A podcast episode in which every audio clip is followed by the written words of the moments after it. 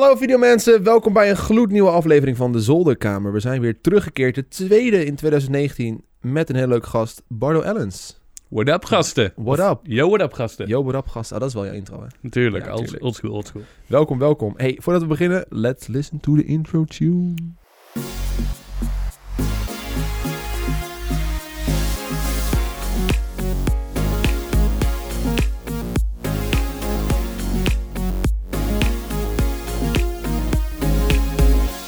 Dat was hem weer. Ik ik vind het toch wel leuk dat ik nu een introotje heb. Ja, dat is wel mooi, Het man. is echt sinds 2019, weet je wel. Ik heb even mijn eigen introotje laten maken. Shout-out naar... Zo, ik ben zijn naam vergeten, dus ik zet het even op scherm. ja, dat weet ik. Oh god. I just saved myself from the editor. Oh, foutje. Kan gebeuren. hey Bardo, leuk dat je kon komen, man. Ja, nee, geen probleem, geen probleem. Ik vind het echt leuk dat, eh, dat we... Geluk, ik ben al lang blij dat je mijn naam nu wel weet. Hey, eh, is de gast? Ja. Zijn Ja, ja, staat hier in beeld nu, ja. Nee, nee, nee. Ik vind, het, eh, ik vind het ook leuk om een beetje de, eh, de wat oudere garde zeg maar, een keertje uit te nodigen bij, eh, bij de zolderkamer. Om een keer te gaan spreken over hoe was het op YouTube in back in the days. Lange tijd geleden. Toen de dino's nog bestonden. Toen de dino's nog bestonden, ja. Ja, want ik, eh, ik ben pas echt begonnen in... Nou, in ieder geval in YouTube Nederland ben ik begonnen in 2012. Mhm. Dus toen eh, was er al natuurlijk al een flinke fundatie aanwezig. Oh jezus, was je met alle respect maar zo laat begonnen? 2012? Nou ja, dat was toen ik Nederlands begon. Ik begon echt... eh Engelstalig begon ik al 2008 of zo. 2000, cool. 2008, 2009.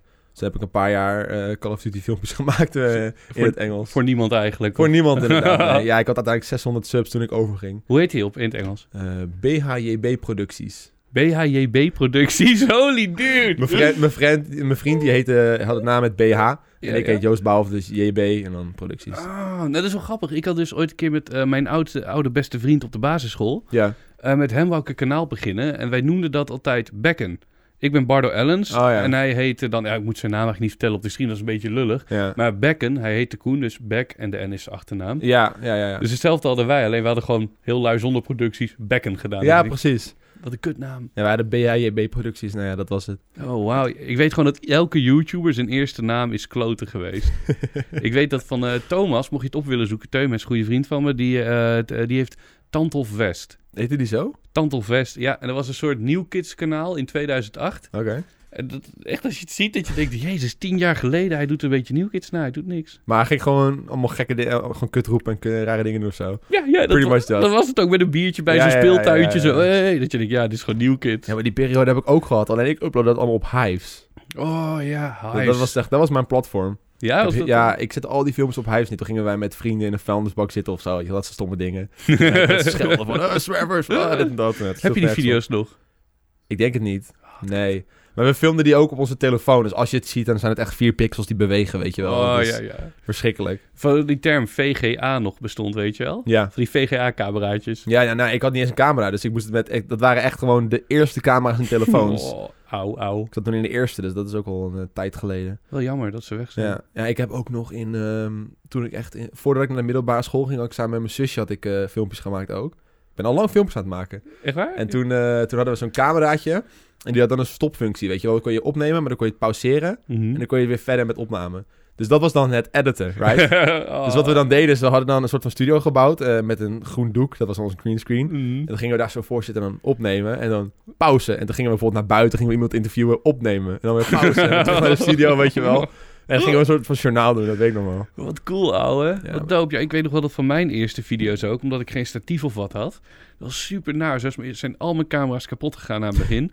Eh, ik heb ze allemaal vastgetaped. Oh, echt? Dat als ik een sketch opnam en ik wou zeg maar eh, de camera hier op de muur hebben, Ja. heb ik dus gewoon met tape op de muur lopen plakken. Ouders boos, iedereen Tuurlijk. boos. Wat heb je nou gedaan met behang, jongen?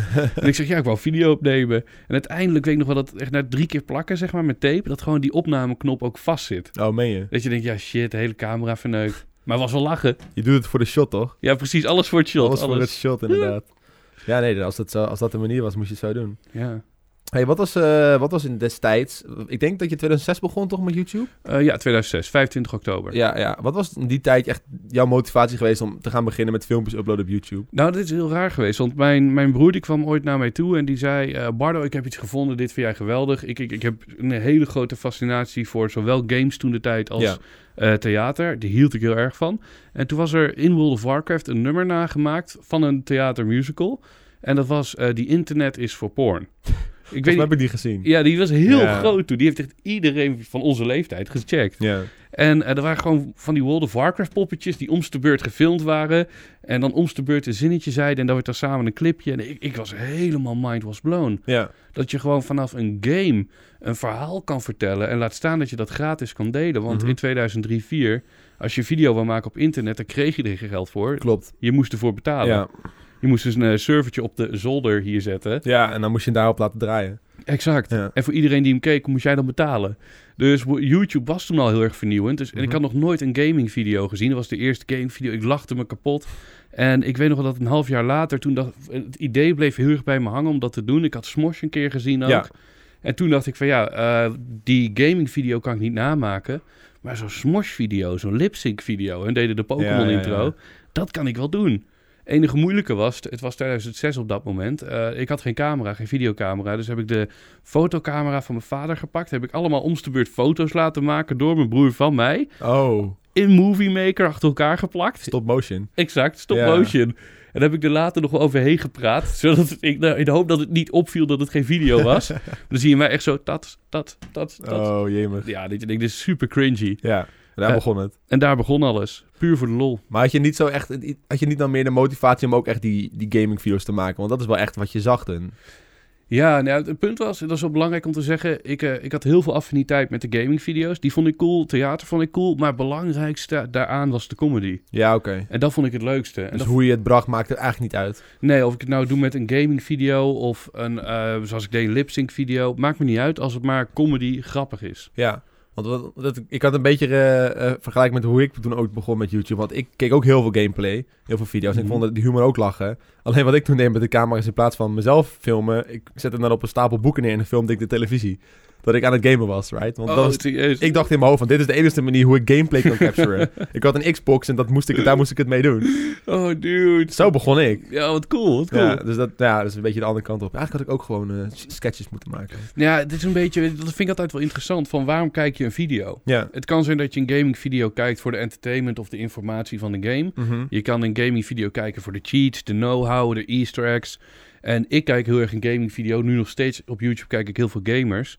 Maar die kijk ik echt puur vanwege de comedy. Ja. Ik vind het heel cool, zoals een van mijn favoriete gamers op dit moment is, denk ik. Het is heel sorry voor iedereen thuis dat ik dit ga zeggen, maar dat is Conan O'Brien. Ja. Hij heeft een serie. Ik maak die een game, doet die gameplay? Hij doet gameplay. Oh, wat? Eh, volgens mij één keer per maand dan speelt hij gewoon een spelletje met een beroemd iemand. Hij heeft Ja. PewDiePie langs gehad. Ja, nee, dat heb ik wel gezien, ja. En eh, ja, ik, ik heb zoiets van, ik vind hem zo'n goede comedian. Dat eigenlijk de game is maar, het is wel een rode draad. Het gaat om Ja, de game, maar het gaat niet om de game.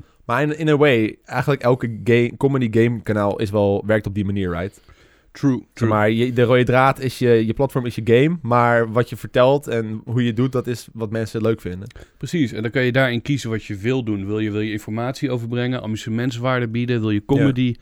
En daar, daar moet elk gamekanaal eh zich onderscheiden van de andere. Ja. Ik vind dat ook heel erg cool aan de groep die jij ook hebt hier. Ook bij met name bij de zolderkamer. Mhm. Gewoon een grote groep vrienden, goede persoonlijkheden die op elkaar ingespeeld zijn. En daar, ik heb wel een paar zolderkamers natuurlijk ook gezien natuurlijk. Hey, dat hoort erbij. Nice. En eh, ik vind die, die stijl vind ik heel tof. Dat je juist niet alleen maar blijft hangen op informatie of amusement, maar juist een beetje de kijker meer wil geven dan dat. Ja, ja, wij beginnen op een gegeven moment onze eigen eh, inside jokes te krijgen en die gaan kijkers ook overnemen, weet je wel. Af en toe ben je op zo'n meeting en dan gaan kijkers in één keer naar je schreeuwen, Kimpy Party of zo, weet je wel. Ik ik je nog erger vertellen. Dit is echt, jongen, onder mijn comment sectie. Ik weet nog dat de Kimpy Party voor het Ja. eerst daar was. Oh, ik was naar op jullie. Ik zit ook, fuckers. Mijn hele, mijn hele comment sectie staat vol met Kimpy Party. Ja, maar het sloeg ook nergens op. Nee. Want het, het is echt heel droog, want ik kan me nog herinneren, want Jer, dat is een beetje de verzinner van Kimpy Party. Mhm. En Jer en ik die waren heel erg fan van lekker spelen, en nog steeds wel. Ja. We keken heel veel hun shit en hun maakten gewoon van die filmpjes waar ze af en toe gewoon een N of een M tussen woorden plakken. Oh, En ja. dat was gewoon, dat vonden ze grappig. En op een gegeven moment hebben wij dat een beetje over de kop getrokken. En dan gingen wij gewoon elk woord wat we zeiden, gingen we gewoon een M of een N tussen plakken. en, en toen gingen we Ultimate Chicken Horse spelen. En dat was zo'n game. En dat werd dan Ultime Kimpy Party. Ultiem Kimpy Party. Ja, Ultimate Chicken Horse. Dat zo heette die game. En Oh. Ultime Kimpy Party. Nou, dat, is, dat heeft Jert toen echt heel vaak gezegd. Want dat vond hij echt hilarisch. Nou ja, op een gegeven moment gaan wij dat zeggen. Toen had ik tot die rap gemaakt. Die Kimpy Party rap. Dat was Ja. toen ook viral gegaan. Oh, jezus. Ja, toen was het ineens overal. Hebben, Ja. hebben jullie iets groots ermee bereikt, of niet? Mm. Jer heeft er op een gegeven moment merch van verkocht. Oké. Dat is toen nog wel aangeslagen en eh, dat was eigenlijk een beetje. Ja, het eigenlijk zou ik dan willen zeggen, dat is wel het einddoel. Dat is gewoon Matthijs van Nieuwkerk in de wereld draait door, Kimpy Paarntje zeggen, weet je wel. Dat zou wel een doel zijn. hè? Zou het kunnen, denk je? Is Ja, nou niet meer. Kijk, dat was een meme en memes komen en memes gaan. right? ja, true, true. Ze hebben altijd gewoon een, levens, een levensspan en op een gegeven moment is het weg en dan is het weer wat anders leuk. Het is ook al een tijdje geleden, toch? Ja, zo vorig jaar. Oh, jezus. Dat was toen, eh, ik vertelde net beneden ook al, bij Legends of Gaming ontstaan al die memes. Want dan zijn we met z'n allen samen en dan zijn we met z'n allen geinig Mhm. aan het doen. En dan ontstaan de meest gekke dingen. Dus dat was toen ook tijdens het log gebeurd. En dat was niet deze opnameseizoen, maar het seizoen daarvoor nog. Dus dat is al een tijdje terug. En je noemt het ook gewoon log, trouwens. Ja, we noemen het gewoon log. Oh, cool. Ja, LOG, Legends of Gaming log. Nou, tof, man. Hé, maar eh, 2006, 2007, 2008, 2010. Hoe was YouTube destijds? Ja, heel anders. Ik denk het, het belangrijkste verschil, laat ik op een paar dingen, want dat vind ik ook echt voor de nieuwe generatie YouTubers, waar ik me helemaal dood aan irriteer. Maar eh, het belangrijkste verschil is denk ik, er waren geen YouTubers, er waren viral video's. Ja.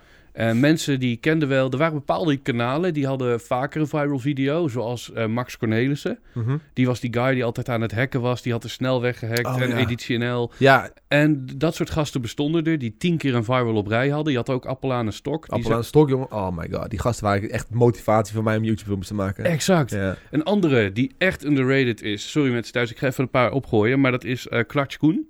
Ken ik niet. Nou, die ken je wel. Die kent iedereen. Oké. Als ik zeg P-O-E-P. Peepoep, een Bruine gelei, lekker vloeibaar. Ja, ja, ja. Dat was op clipjes.nl. Ja, nou, ook clipjes.nl, Ja, ja. stonden ze ook op. En het mooie was dat dit soort kanalen, dit waren dus beginsels, dit waren de eerste mensen die eh, vaker op rij een viral scoorden. Mm. En die werden niet gezien als een YouTuber of een YouTube-kanaal, die zagen gewoon als een soort viral internetgekkie. Ja, Zanger Raymond is er ook eentje uit die categorie, MC Martin, ja. Fresco was er toen ook al bij. sowieso, ja. ja, ja. En eh, ja, daar, daartussen had ik mezelf gegooid. Ik heb nooit een viral gehad in die periode, moet ik eerlijk zeggen. ik was zeg maar de, de gulle middenmoot van YouTubers in 2006. ja. En ik denk het belangrijkste verschil, ook toen de tijd was in 2006, dat eh, iedereen die toen een YouTube-kanaal heeft gemaakt, bijna iedereen is gestopt. Eh, de enige die ik weet dat er nog zijn, dat zijn ik en Masha, Beauty Gloss. Ja, Voor de rest is iedereen weg. uit 2006 wel, ja. Ja, 2006. Oké, ja, sorry, ja. ik zei 2005, maar eh 2006. En iedereen is dus weg. En waarom? Omdat eh, YouTube, en dat vind ik ook voor nu heel belangrijk, de primaire functie van deze website is broadcast yourself. Mhm. Wij waren allemaal lang blij dat we filmpjes konden maken en gratis konden delen, zonder Ja. dat we server op zolderkamer moeten betalen. En eh, dat, dat verschil met nu. Nu denkt iedereen, iedereen denkt niet eens meer aan uploaden op YouTube. Dat daar het eigenlijk om draait. Mhm. Iedereen denkt aan geld verdienen. Ja, En de primaire functie is uploaden, broadcast yourself. Secundair is altijd geweest geld verdienen. ja. En dat is zo'n groot verschil. Dat in 2006, er was geen geld. Je Nee. kon niet praten over geld. En je kon ook niet nadenken over geld, want het zou er nooit kunnen komen. Het enige wat er was is gewoon je uploadt het en dat is er en dat is klaar. Precies. Ja. Je mocht al lang dankbaar zijn dat het eindelijk kon, zeg maar. Ja, Want echt, ik bedoel, in 2005 het was ondenkbaar dat ik mezelf kon streamen naar, naar Australië toe. Dat iemand in Australië mijn video kon zien. maar in 2005 was YouTube ook ontstaan, toch? Eh, ja, YouTube Ja. 2005, ja. Het is Ja, eigenlijk dus 2004 dat- of 3. Maar... Ja, dus dat was echt, dat, toen begon het pas net. Exact. Het was net een paar jaar na het inbellen, Ja. weet je wel. Dat Ja. je denkt, ja, jezus. Inbouwverbindingen. Dus nee, het was, het was heel lief, onschuldig. Mensen waren aan het klooien. En dat, dat was misschien ook wel eh, dat beeld wat je af en toe hebt van de, de oude Griekse tijd. Dat allemaal filosofen romantisch met druifjes in de tuin zitten. Ja, Zo'n gevoel was het ook wel, weet je. Alleen maar creatief, leuk, lief, lachen. ja. En ja, niemand had wat kwaads in de zin of zo. Het was wel een mooie plek eigenlijk. Eigenlijk wel, Iedereen was lief voor elkaar, het was, eh, iedereen was creatief. Precies. Nice. Wanneer, wanneer begon het een beetje eh, te veranderen? Was dat toen de geld kon verdiend worden? Of? Nou ja, de ja en nee. Het geld verdienen kwam eigenlijk wat later. Voor mijn gevoel was het zo dat echt de meeste YouTubers kwamen in 2009 op de website. Mhm. Die nu groot zijn. Ja, Ik weet dat bijvoorbeeld Dylan heeft in 2008 op Hives heel veel video's gemaakt. Kelvin die heeft het ook gedaan op YouTube. Ik weet het kanaal even niet meer. Thomas, wat we net zeiden, Delft Tantof, Tantof ja, West. ja, ja. Eh, 2009 kwam hij. Milan en Dylan, eh, allebei in 2010 een eigen kanaal gemaakt. Dus David. David ook, die was SXy Dutch op YouTube, Ja. 2008 al. Die ging in 2011 Nederlands. Echt eh, getallen en cijfers kan ik je gooien. Maar ja, ja, ja. ik denk dat 2009 het moment was dat de echte Nederlandse community een beetje bij elkaar begon te, begon te sprokkelen. Mhm. En de eerste keer dat denk ik dat voor mij dat ik doorhad dat andere mensen bestonden en uploaden, dat moest wel echt zijn geweest met Thomas Balhaar. Die video die werd in één keer zo groot. Die stond echt op de YouTube homepage. Voor mij was het ook zo dat ik in één keer na vier, vijf jaar uploaden zie ik in één keer iemand anders die ook video's maakt. Ja. Die net als ik eh, niet voor een viral filmpje gaat. Nee, hij ging ook voor wekelijks een upload. Ja. Kijkers opbouwen. In Ja. plaats van één keer een miljoen en dan nooit meer weer. Nee, deze guy die wil elke week 100.000. Zodat je uiteindelijk na 10 video's die miljoen hebt. Ja. En dat is een groot verschil met hoe het eerder was. Dus ik heb toen ook contact opgenomen met eh, Thomas. En toen hadden we het er al over. Zouden er nog meer zijn zoals wij? Zou dat kunnen? Ja. Een beetje zoals eh, de Avengers, weet je wel. Hoe die bij elkaar kwamen. Dat je denkt, zijn er nog meer superhelden met superkrachten? Wie, wie, wie bestaan er? Ja. En eh, na heel veel moeite en gedoe kwamen, kwamen we dus eigenlijk erachter dat Milan bestond. Mhm. Dit is Milan. Dutch Vlogs. Uiteindelijk Dylan Hagens. Ja. Eh, Kelvin, de Kelvlog Kelvlog sowieso. natuurlijk. En zo sprokkelde dat bij elkaar eigenlijk. En het was een totaal bizarre aangelegenheid dat wij, dat moet je wel beseffen, binnen een half jaar, dat we eigenlijk niemand kenden. Ik wist ook niet dat er een grotere community zou komen. Binnen Ja. een half jaar stonden wij met z'n allen in Utrecht op de allereerste YouTube Gathering. In het Gifford Park. En we dachten echt van, ja, we zijn de shit. Weet je wel, Milan, Ja. eh, Thomas, die heeft een video met 3 miljoen kijkers. Hoeveel mensen komen hier wel niet op af? Dus wij daar staan met z'n allen. We denken, oké, dit wordt wat, hè, dit wordt dik. Uiteindelijk 20 man. Ja, ja. Ik heb, die, ik heb die foto's gezien van, van dat er echt gewoon helemaal niemand was. Maar het was wel het begin, weet je. Het Ja, begin moeten zijn. het is, het is een lief romantisch beginnetje. Ja. Als een stelletje kneus in een park. Ik, ik, ik weet het allemaal nog wel, joh. Ik zat dat allemaal een beetje van de zijlijn te volgen natuurlijk. Want Mhm. ik was wel actief op YouTube, maar allemaal in het buitenland was ik wat aan het doen. En dan kijk ik toch wel een beetje op de zijlijn van wat gebeurt er allemaal in Nederland. En dan zag ik toch wel langzamerhand een beetje Dylan Hagens met zijn brilletje bij David langskomen. en dan zag ik in één keer jou bij Milan in één keer. Weet je, allemaal van die collabs die begonnen te ontstaan. Ik vond het super vet. Ja, wou je toen ook al meedoen of dacht je van, nee, ik wacht even af? Nou, ik, had, ik was sowieso heel jong in die tijd. Ik, was, eh, ik ben even oud als, ongeveer even oud als Ronald. En je weet nog wel, Oh. Ronald Vlogs, dat is ook wel Ja. echt... Een, hij was ook een jonkie in die tijd. En eh, ik, ik, ik zat dat te kijken. Jullie waren net iets te oud voor me. Dus ik zat zo van, oké, ik, ik, het laat me wel tof lijken. Mhm. Maar ik denk dat ik daar niet mee match. En ik was ook met mijn Engelse gedoe bezig. Het was wel een beetje een inspiratie voor mij om ook te gaan collaben in Amerika. Mhm. Dus ik ben uiteindelijk eh, met een paar Engelse YouTubers in contact gekomen via Forum en via Fora. En toen ben ik gewoon video's met hun gaan maken. Eh, Vloggen die nog of zijn die nog actief? Nee, die zijn allemaal niet meer actief. Nee, Nee. dat waren gewoon eh gastjes die uploaden ook gaming content. En, en ik ook. Dus dan gingen we samen een, een commentary maken over een Battlefield filmpje of zo, weet je wel. Je, je, je zou toen de tijd maar een berichtje hebben gestuurd naar PewDiePie, weet je Ja. wel? Dat je denkt, oeh, Ja. dan was je nu gewoon een van de grootste paarden geweest. Ja, maar ik zat ook wel eens te denken van... wat nou als ik, zeg maar, in die tijd gewoon begon met gameplay of zo, weet je wel. Ja. Gewoon Nederlandstalig. Wat zou er dan zijn geweest? Wat zou er dan gebeurd zijn? Nou, dat is wel grappig, want ik weet van de Nederlandse gaming community, dit is eerlijk waar. Want daar begon het uiteindelijk voor mijn gevoel bij Dagelijks HD. Ja. En dan niet eh H Nee, A met D. 1H en 1D, zeker weten. Exact, aan elkaar. Samen met Spooky. En ik weet nog dat ik een keer bij David thuis was. En toen woonde Milan Knol, woonde toen de tijd nog bij David, dus David thuis. Ja. En ehm, ik kwam daar en hij de, opende Dumpert en hij zei, Bardo, moet je eens kijken. En hij deed een filmpje ervoor. Volgens mij was het de PewDiePie-video dat hij Oké. Amnesia speelde. Ja.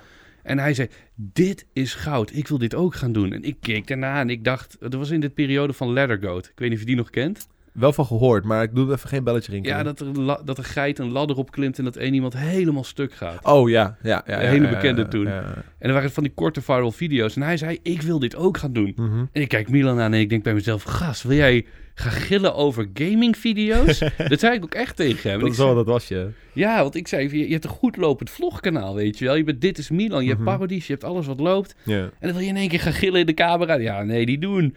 Nou, ik heb er nog nooit zo ver vandaan gezeten, moet ik eerlijk zeggen. Milan had keihard gelijk. ja, zeker. En dat is ook wel cool aan Milan, dat hij juist toen al inzag... dat deze gaming-video's zo groot gingen worden. Ja. Terwijl ik dacht echt bij mezelf, waar lul je over, gast? Die gast is gewoon aan het gillen. Ja, maar ik was ook in die tijd al heel erg fan van PewDiePie. Hij is echt al sinds toen al een inspiratiebron voor mij geweest. Serieus? Ja, maar ik- deed eh video's eigenlijk. Dus ik was eigenlijk alleen maar eh, gameplays aan het verzamelen en een beetje een lulverhaal Mhm. omheen lullen.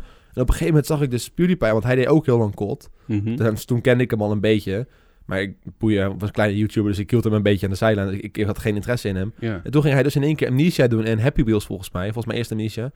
En met zijn facecam erbij, weet je wel. Je zag zijn hoofd, want dat gebeurde ook nooit. Ja. En toen in één keer blies hij op. En toen keek ik daarna en ik dacht van, dit is hilarisch. Ik vind het zo grappig. Ja. En toen, eh, uiteindelijk heb ik dan ook die shift gemaakt van Call of Duty gameplay naar, nou, uiteindelijk ook Amnesia en andere let's plays. Dat is eigenlijk waar we net over hadden. Dat je iets minder voor de, de info of amusement gaat. Ja. Maar dan ben je veel meer voor de comedy gegaan. Ja, dat is ook veel leuker. Ja, ik realiseerde me op een gegeven moment ook dat ik gewoon niet kon gamen. Dus, dus als ik Ja. dan mensen moest gaan uitleggen hoe je moest gamen, dan kwam ik niet heel ver.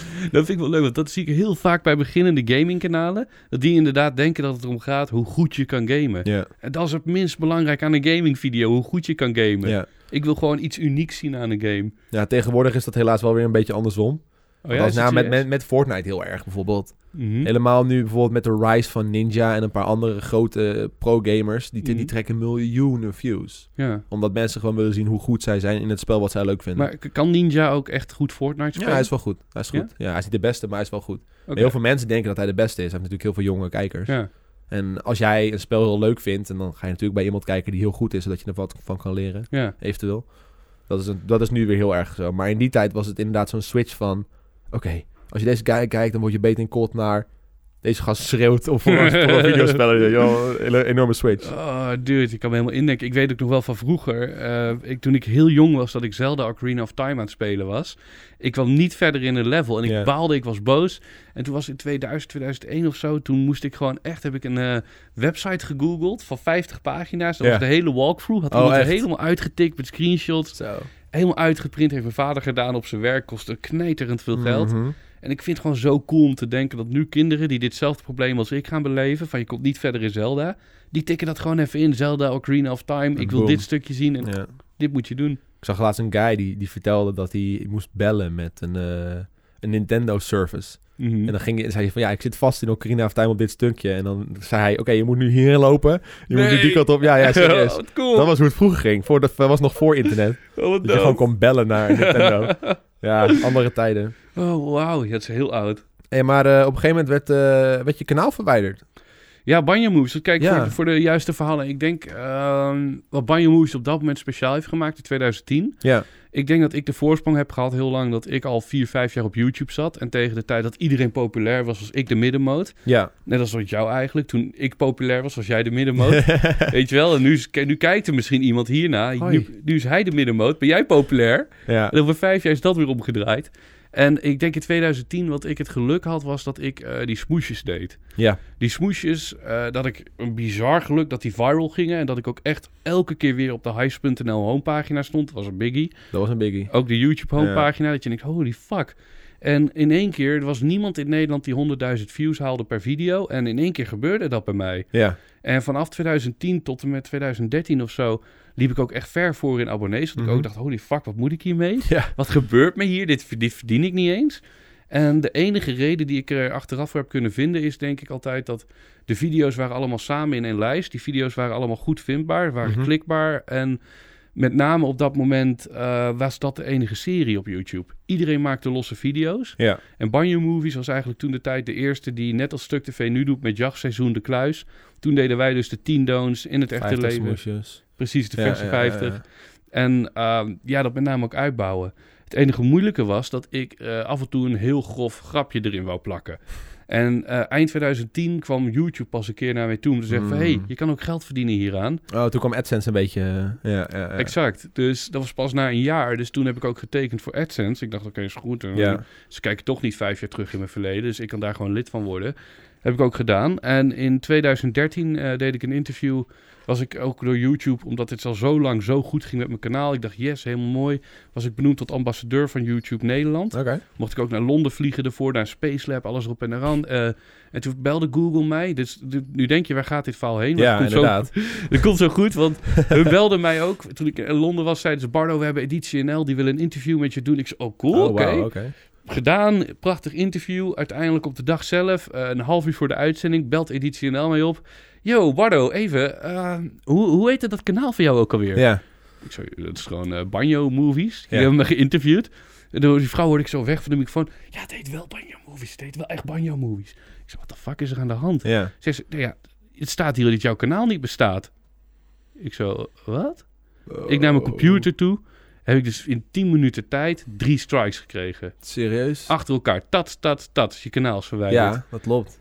En ik zeg zo, in 10 minuten tijd. Ik heb die eerste strike klopt niet. Die tweede strike klopt niet. Nu was die derde strike in alle eerlijkheid. Kan je iets van zeggen dat die Mhm. klopt. Maar binnen 10 minuten mij Ja. eraf striken. Op de dag dat die fucking Google mij Ja. koppelt aan Editie NL. Je vliegt mij naar Londen toe als ambassadeur. En dan flikker je je ambassadeur er nog af dezelfde Ja. dag. ik was heel erg boos. En om het erger te maken was dit in het paasweekend gebeurd. En eh, ik was op Goede Vrijdag, of nee, donderdag verwijderd. Toen kwam Goede Vrijdag, toen Ja. kwam zaterdag, zondag. Dan heb je altijd nog een extra zondag. Ja, moet je dan kan wachten zeker dat er wat gebeurt. Precies. En Oh. uiteindelijk echt een week later kon ik pas een antwoord verwachten. En het enige wat ik toen de tijd heb gedaan, wat ik heel slim vond... Want in principe, kanalen die verwijderd worden, komen nooit nee, klopt. terug. Zijn gone. En wat Ja. ik heb gedaan, ik dacht, ja, maar dit is handig. Editie NL heb ik hier nu gewoon.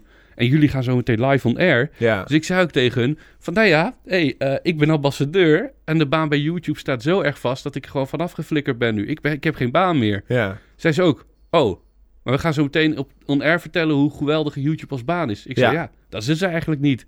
Bij deze, dan weet je dat weer. Opgehangen heeft Editie NL, heeft Google opgebeld. Toen werd ik gebeld door 3FM. Zei ik, ja, bel Google maar op. Ja. En iedereen die mij belde, zei ik gewoon, bel Google maar, bel Google maar.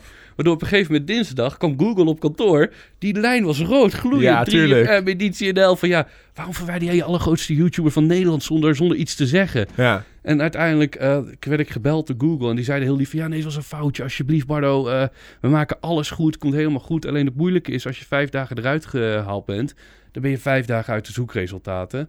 En alle video's die ik in die afgelopen zeven jaar heb opgebouwd, dat kun je ook echt zien in mijn analytics, Ja. die vallen gewoon dood in de traffic. Die zijn allemaal de nek omgedraaid. Alle Ja. 50 smoesjes, alle 10 noons, alle in het echte levens. Allemaal de nek omgedraaid. Pak allemaal geen traffic meer. En in 2013 is ook een moment geweest dat YouTube een switch heeft gemaakt in het algoritme. Van eh, views naar watchtime. Ja. Dat is ook killing geweest voor Banjo Movies. Ja. Ik maak video's van 4 minuten per week. En dat is echt eh, voor mij veel werk. Jij kan 20 minuten per dag uploaden. Dus ik heb aan jou echt een moeilijke, oneerlijke concurrentie. Met alle respect hoor, ik waardeer je enorm. Ehm, en dat is een beetje op dat moment, het kanaal was weg. Ik werd eh, nog een keer genakt door Google Amerika. Mhm. En het was een neerwaartse spiraal waar ik in belandde. Ja. En het enige wat Google zei was van ja, oepsie poepsie, we hebben je kanaal verwijderd. Niks aan te doen. Maar dat waren dan drie community guideline strikes, neem ik aan. Ja, ja. Gewoon, je, je, bijvoorbeeld, je hebt een Hitlersnor gebruikt, dat mag niet, kruis. Ja. Ja. En eentje daarvan moet ik zeggen, die was wel echt terecht. Dat was nog in 2006. Toen heb ik een, eh, een, bepaald plaatje van Kim Holland gebruikt. Oh ja, oké. Een soort goochelplaatje waar de vuist verdwijnt. Dat je denkt, wow, dat was een knappe... ik ook toen, Ja. Maar ook ongecensureerd, zonder Oh, blur. En die was toen zeven jaar na dato pas gespot door iemand. Mhm. Maar het knappe was, het heeft één iemand denk ik dus gedaan. Die heeft gewoon drie video's achter elkaar gestrikt. Waarvan er eentje terecht was. Ja. Ehm, maar die heeft het wel in 10 minuten gedaan. Ja. Waardoor ik ook in één keer weg was. En ik was gewoon Ja. keihard de lul. Ja, kut. En ik denk dat tegenwoordig zou YouTube wel betere communicatie hebben en zo. Alleen toen de tijd waren er ook geen MCN's of netwerken om je te helpen. Die je kunnen opvangen, ja. Ik was gewoon Bardo uit Deventer, Ja. een no-no voor YouTube. En ehm, ja, eigenlijk is het echt David eh, tegen Go- Go- Go- Goliath, eh, weet je wel? Ja, precies. Maar ik denk dat je dat tegenwoordig ook niet meer kan fixen, hoor. Als, het, als dit nou in deze tijd zou gebeuren, gewoon je kanaal wordt gestrikt, ik denk dat je gewoon de lul bent, hoor. Het enige meest recente voorbeeld wat we ervan hebben is denk ik Ties. Ties Games. Oh ja. Want Ties Games was ook verwijderd. Toen Ja. is die Ties begonnen, groot succes. En toen kwam Ties Games weer terug. Ja. Maar volgens mij is dat ook echt gegaan via managers en heel veel moeite. En Ik denk dat daar wel een, echt een, een MCN echt eh, hard voor gestreden heb, hoor. natuurlijk. En ik, ik denk het enige wat je kan, mogelijk kan zeggen... toen Banjo Movies verwijderd werd... kan mogelijk een equi- equivalent zijn van dat Enzo Knol nu verwijderd wordt. Ja, dat, Dat- is nu de grootste. En jij was destijds de grootste, Precies. inderdaad. En als, als ze Enzo verwijderen... dan belt ook alle media Ja, naar tuurlijk. Google. Van, joh, wat de fuck flik jij nou? Waarom Ja. waarom- Enzo eraf, hè? Ja, huh, wat? Ja, wat doe je nou? Ja, precies. Maar ik denk dat ze dan wel wat meer moeite ermee hebben om het weer back-up te krijgen. Dat het wel lukt, maar dat er meer Ja. moeite voor nodig is, laat ik het zo zeggen. Er is veel meer poespas en regeltjes. Ja. En, eh, ja. Want voor jou was het voldoende om dus zeg maar een lijn rood te laten gloeien. En dat was voor Google al genoeg van, oké, hier heb je je kanaal terug. Maar nu is het echt van, oh, dit en dit en dit, dit. Ja, volgens mij ook. Volgens mij zijn er die Amerikanen doen nu heel moeilijk. Ja, Helemaal ook door Logan Paul, PewDiePie, Apocalypse, bla bla bla. ja. Dat je denkt, ja, Maar wanneer, eh, welk jaar was het toen je kanaal werd verwijderd? 2013? 13. Oké, want in 2012 begon je een beetje een soort van tv-carrière, right? Ja man. Toen begon je eh, een hashtag kansloos. Ja, bizarre periode was dat. Ja, hoe zat dat? Was je gewoon door Veronica gebeld van, hey, let's, eh, let's do nou, this? nou, dat is heel anders. Eh, er was een tv-producent die zag op internet al die video's voorbij komen. Hij was een beginnend producent en dat heeft Ja. hij heel goed gezien. Dat internet een dingetje wordt waar geen rekening mee gehouden wordt op dit moment. Ja. Dus bijvoorbeeld in Gino Pietermaai zagen we niet terug. Kakiel zagen we niet terug. Uh, Mark Angre Vrijles kwam niet terug op tv. Mhm. En toen we hij een programma maken, hij heeft toen eh, vier YouTubers uit, vijf YouTubers uitgenodigd. En alleen Thomas, die had zich ziek gemeld voor die, of gemold Oh. eh, voor die meeting. Gemold, wat de fuck Ziek gemold. Nee. Ja, ziek gemold. Goed gedaan, Bardo. Eh, en toen was ik eigenlijk heel opdringerig. Ik was Ja. een beetje ge- gekrenkt of zo. Ik was toen een beetje een arrogant mannetje, weet ik nog wel, 2011. Eh 12, sorry. En eh, toen zei ik eigenlijk van ja, hey, er is een plekje vrij als Thomas niet gaat. Mag ik daar dan zitten? Ja. Eh, ja, oké, dat mag dan wel. En uiteindelijk ben ik daar gaan zitten aan de tafel. En er werd het pitch gedaan van een online programma, gepresenteerd door één vlogger. Mhm. En hij wou, toen de tijd wou hij eigenlijk Dionne, dat weet ik nog wel. Dionne Slachter was ja, toen ook op ja, YouTube. ja. En ehm, na heel veel gedoe. Ik, eigenlijk wou hij niet dat ik het ging presenteren. Hij had geen vertrouwen erin. en toen zei hij van ja, maar Bardo, als je dan één iemand mocht kiezen die erbij was. Toen zei ik ja, ik, ik, ik iedereen bij die meeting. Ik vond ze heel aardig, maar ik wil met niemand presenteren. Hmm. Toen zei hij ja, nou ja, Thomas was niet bij de meeting. Ik zo, ja, op zich kan Thomas wel. Want hij- ik vond zijn balhaarliedje wel leuk. Is een balhaarliedje. Ja, dus toen was het Ja. zo van, oké, dan ben ik Thomas. Ja, oké, cool. Dus werd Thomas gebeld, werd ik geïntroduceerd aan Thomas. Ja. Van, hé hey man, ik heb ook geen smaak. Oh, cool, ik ook niet. Cool, laten we dit doen. En ehm, uiteindelijk stonden we in een kelder dat te presenteren. Ja. En voor de mensen die denken dat het een grote productie was of zo... ik weet nog wel van Kansloos... wij hebben het echt, echt voor bijna niks gepresenteerd. Ja? Ik weet, wij hebben 72 afleveringen gemaakt. Eerste seizoen was 12 weken lang. Het tweede seizoen was drie maanden lang dagelijks. Millie zit echt met zo'n stukje klitterman te spelen, joh. Helemaal wild. de- Oh, wow, daar Eh, gaat ze is weer weg. Doei. Challenge. Maar wat ik wou zeggen was... het tweede seizoen was eh, drie maanden dagelijks. Ja. En ik weet gewoon, dat heb ik echt 0 euro bijna aan overgehouden. Ik heb wel iets eraan overgehouden. Het is wel meer- veel meer dan 0 euro, maar het is echt zo'n rotklote bedrag. Ja. Ik zou er nu nog, eh, ik denk voor een gemiddelde YouTuber, je zou er geen Insta-post voor maken. Zo'n Insta-story is het niet Oh, ja, waard. Ja, ja, ja, ja. Dus je denkt, dit heeft mij gewoon drie maanden lang dagelijks werk gekost. En dat is ook een beetje YouTube. Dat is de enige reden waarom kansloos bestond, geloof ik. Omdat wij echt als strontscheppers binnenkwamen. Mensen dachten, ja, wie de fuck zijn die kakhiel, die fresco, die Ja. Mark vrijles, banjo movie steunmes. Ja, ja. Ze namen ons niet serieus. En als wij zeiden, ja, we willen wel meer hiervoor. We willen meer eh, betere zendtijden. We Wacht willen... je uit, ze je weer naar huis. Exact. Ja. Dan zeiden ze, oké, dan doen we Bardo eruit en doen we toch Dionne erin. Ja. Dus eigenlijk gewoon een gevalletje van je mond houden. En ik weet, toen in 2006, toen ik begon op YouTube... Ja, sorry dat ik nu heel veel lul. Onderbreek Ja. me gewoon. Nee, maar ik vind het vet. Ik Oké, cool. Als je, als je zegt, hey Bardo, je bek gewoon doen. maar in 2006 toen ik begon, eh, toen eh, kon je niet eens dromen over leven of werken van YouTube. Klopt.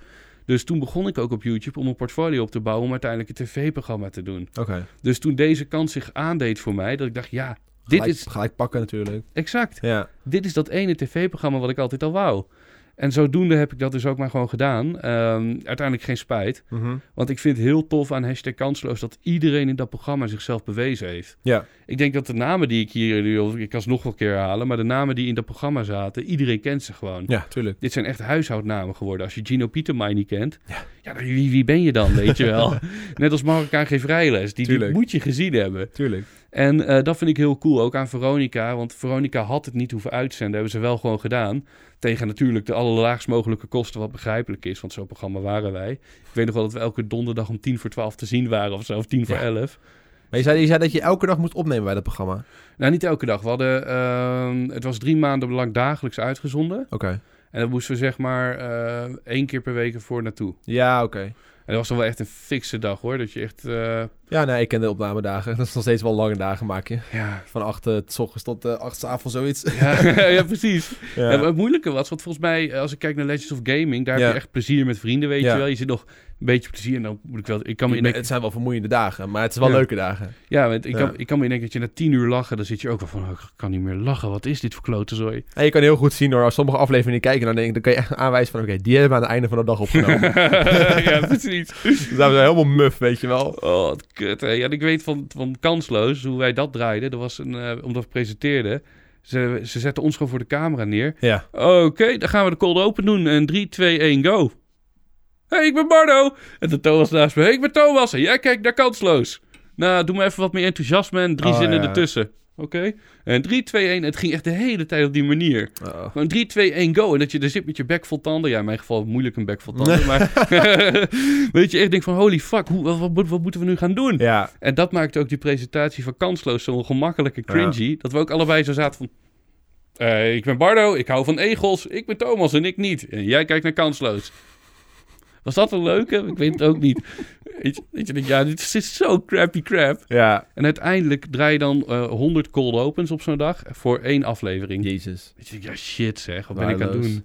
Ja, nee, Ja. bij log is dat wel anders. Daar worden we gewoon echt gewoon vrijgelaten. Ja? Maar daar schieten we gewoon heel veel content op een dag. Echt gewoon aflevering, aflevering, aflevering, aflevering. is er ook een regisseur of niet? Ja, ja, ja, het is een complete productie. We hebben echt een heel team.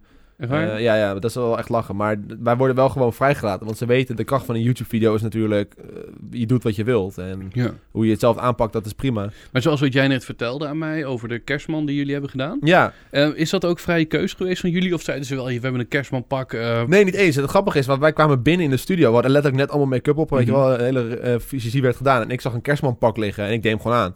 Gewoon zonder te vragen, zonder pardon. Ik deed dat pak aan, want ik vind het Cool. hilarisch. cool. Want het seizoen daarvoor deed ik ook een Sinterklaas pak aan. Dus ik deed nou gewoon een kerstmanpak aan. En ik zat er gewoon te chillen. We waren niet eens aan het draaien. En ik had het hele pak al aan. Ik zat gewoon te kutten. En toen zei de regie van, nou oké, Joost is de kerstman. En ik zei van, oh nou best. dat cool. Dus toen mocht ik dat pak aanhouden. En op een gegeven moment ging ik alleen maar funzige dingen doen, weet je wel. Er zat zo'n scheur in mijn, in mijn pak. Dus ik had zo'n stuk baard. En had ik erin gestopt. Oh, weet je wel. ik had zo'n top. baard van onder. Dat- dat is het mooie aan log. Je wordt gewoon compleet vrijgelaten. Je mag doen wat je wilt. Wel een beetje volgens hun draaiboekje natuurlijk. Ja. Maar wat we zeggen, wat we doen en laten... Dat is allemaal eh, onze eigen eh, inzet. Dat- ik zeg je, ik had dat niet verwacht. Nee, dat zijn echt leuke dagen. Oh, ik geniet er echt oprecht van. Maar inderdaad, je zei, je zei dat je bij, bij Veronica verdiende je gewoon zo weinig. Maar op zich, ik, ik zie daar wel... Ik, ik merk dat wel een beetje met andere producties. Maar dan niet op tv, maar bijvoorbeeld producties die tv draait op YouTube. Eh, denk aan Concentrate of zo. Ja. Ik heb wel eens een mailtje van die gasten gehad. Maar dan krijg je ook echt gewoon... Ja, er zit een, een duimpje omhoog en daarvoor kom je dan, zeg maar. Ja, ja, precies. Dan denk ik ook... maar Dat is wel, dus het is nog steeds wel een beetje aanwezig, die onderbetaling, quote-unquote. Tuurlijk. Maar dat is een beetje ook... Ik, eh, eh, toevallig van de week, heb je Rambam gezien? Nee, ik kijk dat niet. Daar is een aflevering met Snapking nu geweest. Die Oh, is op zich wel eh, de moeite waard. Eh, alleen hun deden dat ook weer voorkomen. Dan gingen ze testen hoe- of je rond kon komen als influencer en zo. Ja, En het idee is gewoon echt... Mensen denken echt dat je rijk wordt van influencer valt worden. echt reuze mee. Het is zo vies weinig. Het is met name, en dat vind ik zo stom, dat bedrijven en mediapartijen met name denken... oh, we doen even een influencertje. Ja. Oké, we hebben een eh, spelletje, stuur het gratis op naar Joost. Die komt wel.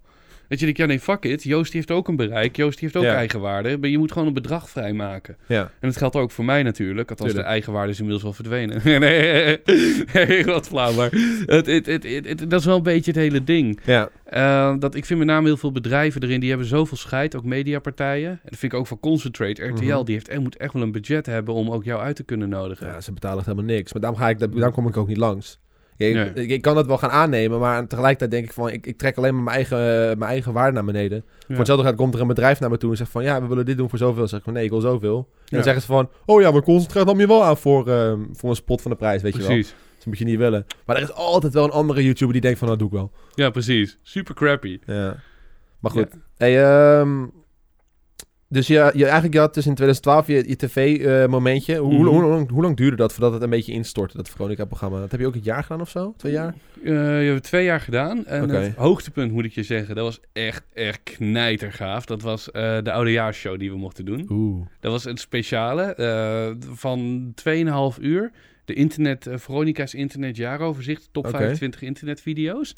En dat was zo cool dat ik gewoon op oudjaarsavond, ik zat om, eh, nogmaals, je weet, ik wou tv-maker Ja, worden. Ja, ja, ja. Ik ben opgevoed met Henny Huisman. Ik zag hem van de showbiz trap lopen. En dan zie je hoe iedereen geniet en lacht om zo'n man. En ik dacht toen ik als kleine grup op de bank, ja, dat is toch prachtig. En uiteindelijk met de oudjaarshow, toen ehm, zat ik gewoon thuis om 9 uur. En toen begon ons programma. En toen konden we gewoon gaan zappen. En dan zag je op Nederland 1, zag je Joep van het Hek. zag je daarna Guido Weijers. Zag je daarna Linda de Bol. En klik je nog één verder, dan zag je Bardo Ellis en Thomas staan. Dat Zo dacht, vet. fuck yes. Ja, dope. Dat was gewoon keihard. Ja. En het beste was dat het ook een denderend succes was. Hm. We hebben 550.000 kijkers gehad. That's not bad. Dat is helemaal niet bad. Nee. Voor Veronica ook. Ja, damn. En eh, bijvoorbeeld de Kou van Holland, die had 1,8. Hm. Dus 550 tegenover 1,8. We verliezen keihard. Ja, maar alsnog. En we zitten bijna op een derde Ja. van Linda de Mol op oudjaarsavond. Netjes. En moet je je indenken dat dan Linda de Mol thuis op de bank zit en die doet hetzelfde. en die zit mij en Thomas er gewoon langskomen. En ik, huh, wie is die dikke en die dunne? Ja, eh, die zijn toch heel lang dood, de dikke en de dunne? Dus je denkt, hè? Ja, dat, dat, dat waren dingen waarvan ik dan wel denk, van, ja, dat vind ik wel prachtig hoor. hoe is dat nooit doorgezet dan? Want je zegt dat is de laatste of dat is een beetje de klapper geweest. Nou ja- Waarom dacht de tv van, nou, laat, laat hun maar gaan? Nou ja, het was Veronica, die had toen de tijd geloof ik ook zelf hun eigen presentatoren. Zoals Tess Milne, Tim Haars, eh Saar Koningsbergen. En eh, die werden een beetje ondergesneeuwd, omdat wij met Kansloos best wel een heel groot succes waren. Ja. En toen zei Veronica ook het jaar daarna, geloof ik, toen is het programma nog een keer gemaakt, maar dan eh, door de Veronica zelf, de eigen presentatoren. Ja. Want wij waren van de productiepartij, zo zijn wij bij Veronica gekomen. Oké. En eh, Veronica zelf die zei van ja, we kunnen beter onze eigen presentatoren erop zetten, want die hebben al een freelance dienst. Mhm. Die maken nu geen eh, programma's.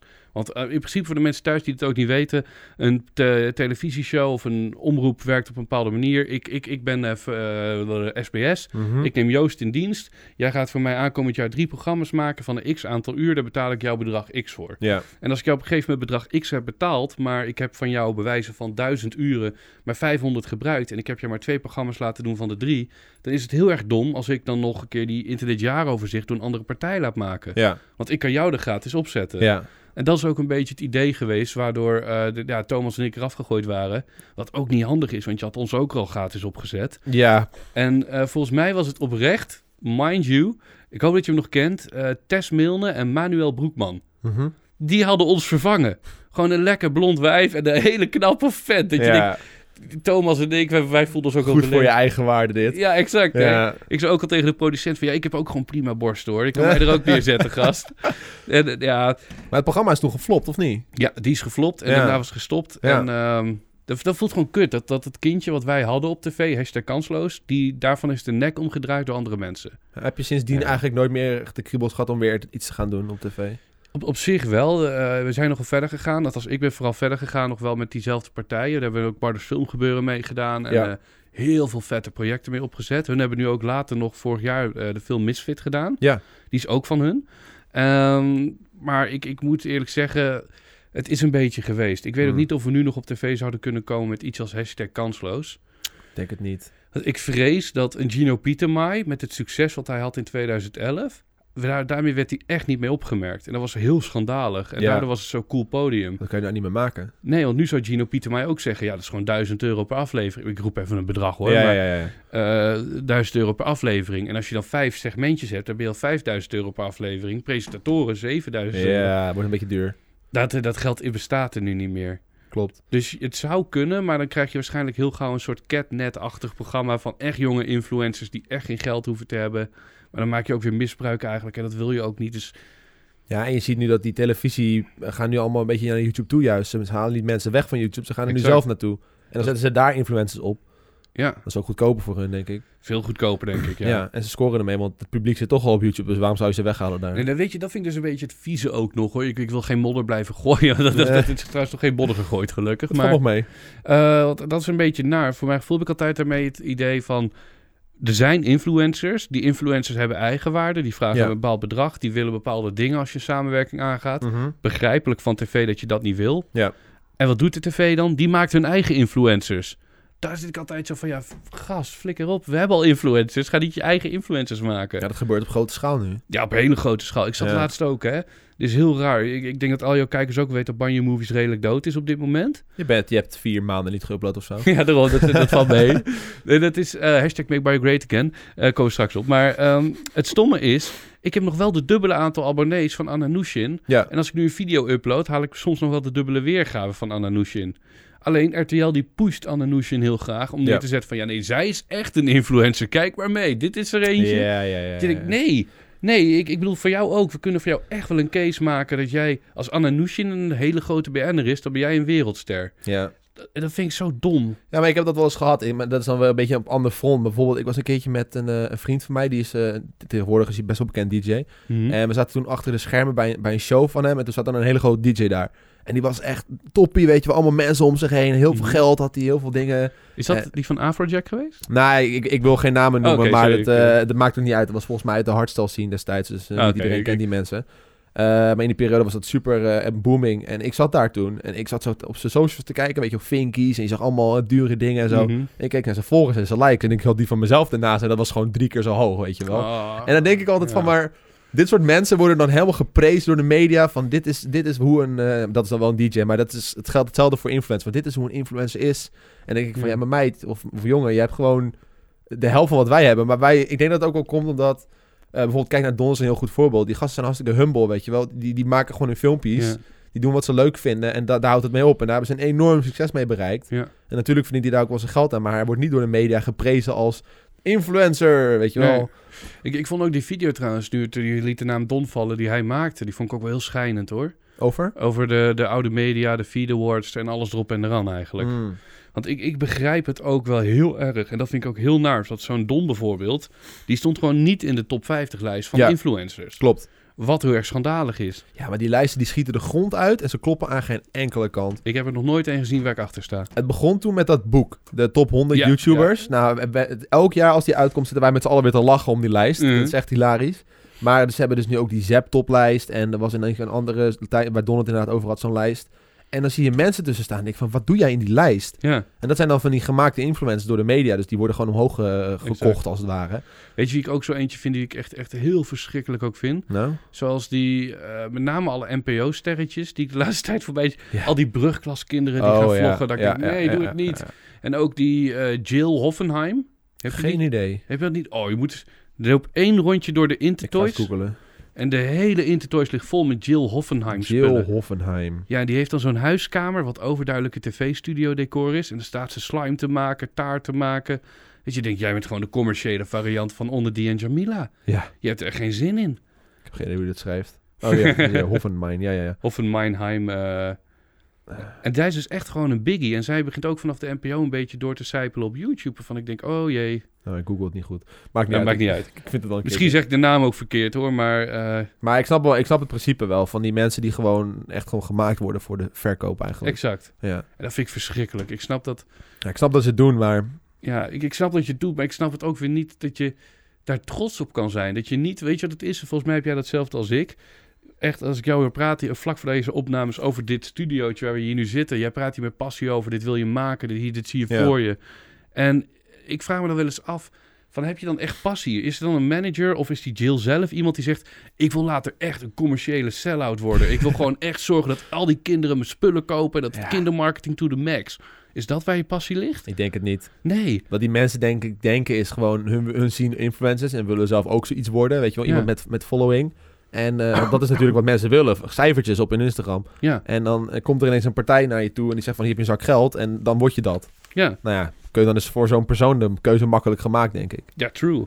En dat vind ik, ik vind het een hele nare, helemaal. En dat vind ik het ergste als de NPO het ook zelf uit gaat zenden. Ja. De NPO is tenslotte van onze belastingcenten. Het is een kutargument. Je Ja, mag iedereen zegt het. Je mag het niet zeggen, ik weet het. Maar het is dan wel een beetje zo van ja, als je dan commercieel wil gaan lopen doen, je wil boeken gaan maken van die meid en je wil jezelf helemaal sell-outen, Ja, doe dat dan lekker bij RTL. En als RTL nee zegt, dan houdt het spelletje voor je op. ja. Maar dan houdt het niet op. Nee, dan worden ze toegelaten op NPO. ja NPO moet ook bijblijven, denk ik dan. Ja, nou, dit, ze moeten wel bijblijven. Maar aan de andere kant vind ik NPO... eh, ik wil niet al te veel... Dan ga ik heel kort op de NPO-media dingen in. De NPO is er natuurlijk, Nederlands publieke omroep... om eh, dingen te maken, programma's... die anders niet bekeken of gemaakt zullen worden. Ja. En denk daarbij dus een programma over een museum... over een schilderij, over een expeditie... eh, niet Mhm. Robinson... een eh, wandeling in het park. Ja, ja, ja. ja. Alleen dan vraag ik me af, eh, deze content die die Jill doet, de slime-video's, die worden al gemaakt, die bestaan al. Er is geen belang bij dat de NPO die nog meer maakt. Mhm. Want ze komen hoe dan ook wel online. En dan heb ik zoiets van, ja, dan moet je dat, die, die, die rommel, gewoon niet maken Ja. bij de NPO. De NPO is toch ook een niet winstgevende partij? Althans, ze moeten Exact. geen geld verdienen. Hoeven Nee. geen geld te verdienen. Nee. Nee, Dus, dus ze hoeven ook niet voor de weergave te gaan, ook Nee. niet voor de kijkers. toch doen ze het. En toch doen ze het. Dat je denkt, ja, maar dit klopt niet. Weet je wel, de- als, je, als hun moeten kiezen tussen of een slime-programma... waar iedereen eh, heel, heel gewoon commercieel dik erop... Ja. Of een klein knutselprogrammaatje die eigenlijk niemand wil kijken.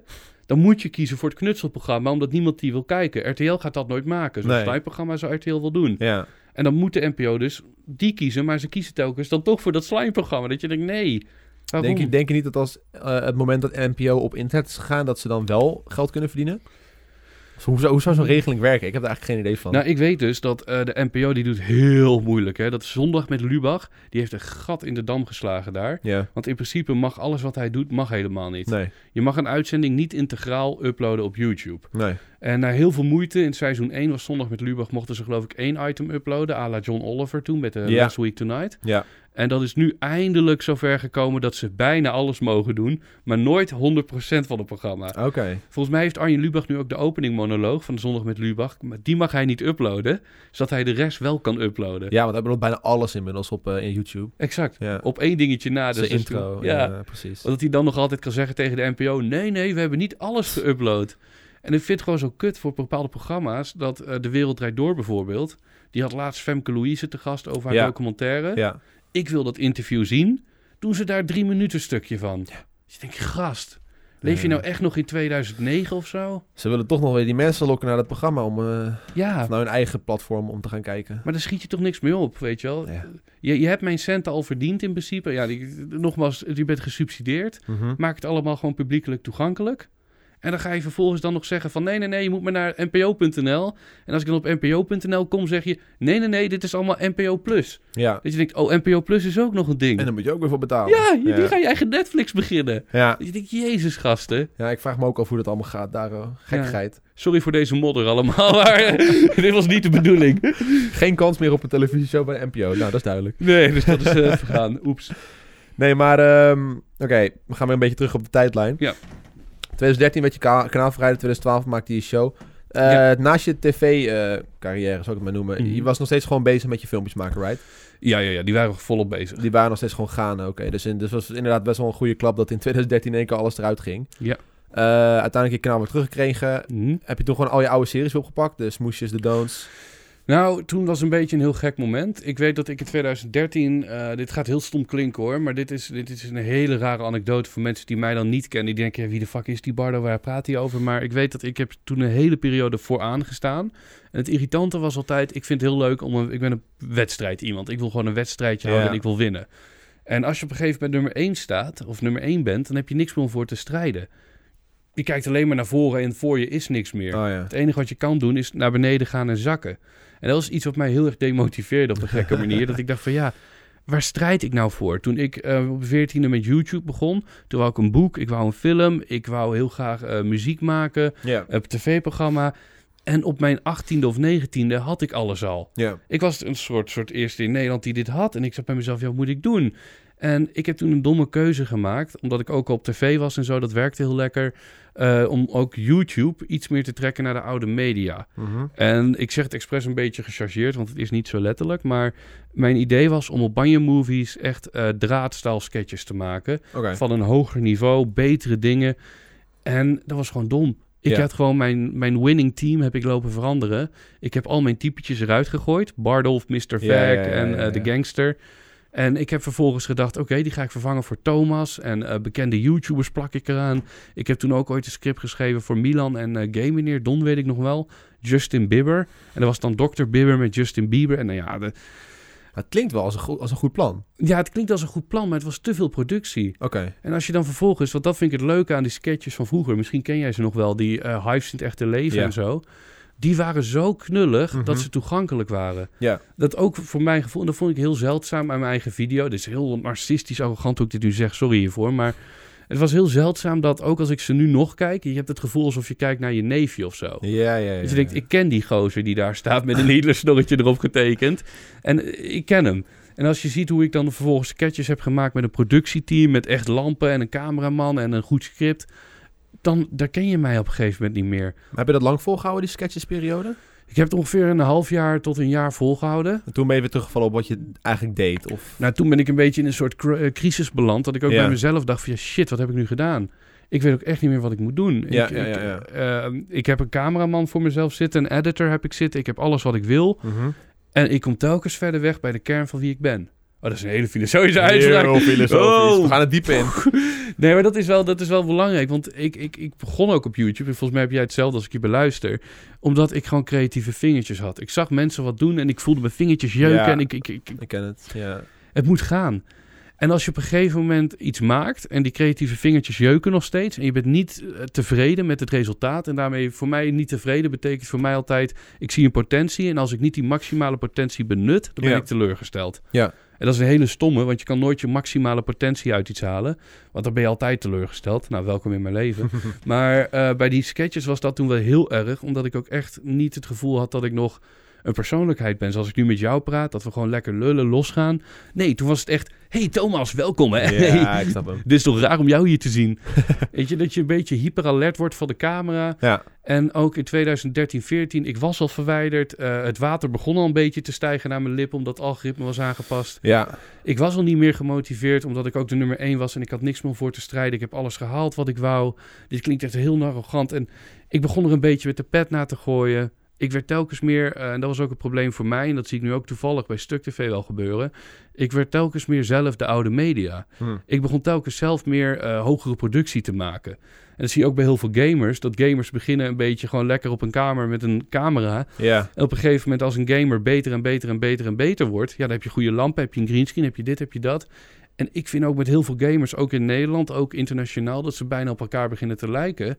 Omdat ze allemaal een greenscreen hebben. Dus je ziet de kamer niet meer. Die persoonlijkheid wordt al weggehaald. ja, Ze hebben allemaal dezelfde beste kwaliteit microfoon. Ze hebben allemaal dezelfde games die ze spelen. En ja. Snap je wat ik bedoel? Dan wordt Ja. het gewoon een blur. ja. En dat zie je ook wel bij Stuk TV nu. Dat eh, Stuk TV is tot op bepaalde hoogte nu echt wel het beste YouTube-kanaal. Maar het moeilijke is, ze zijn eigenlijk geen Geen YouTube-kanaal. YouTube-kanaal, ja. Ze zijn Nee. gewoon televisie. Precies, Ze willen zichzelf ook niet noemen als YouTubers. exact. En het grappige is, denk ik dan weer, als Stuk TV op televisie zou uitzenden, dan zouden ze niet goed bekeken worden. Mhm. Dan zouden ze dus niet, eh, voor tv zijn ze niet goed genoeg. En voor YouTube zijn ze dan weer te goed. Te goed, ja. Dan ben je eigenlijk tussen wal en schip in. En dat is een soort gray area. En nu wil ik niet zeggen dat Banjo Movies te goed was voor YouTube. dat is echt niet wat ik hier wil zeggen hoor. Nee, nee, nee, nee.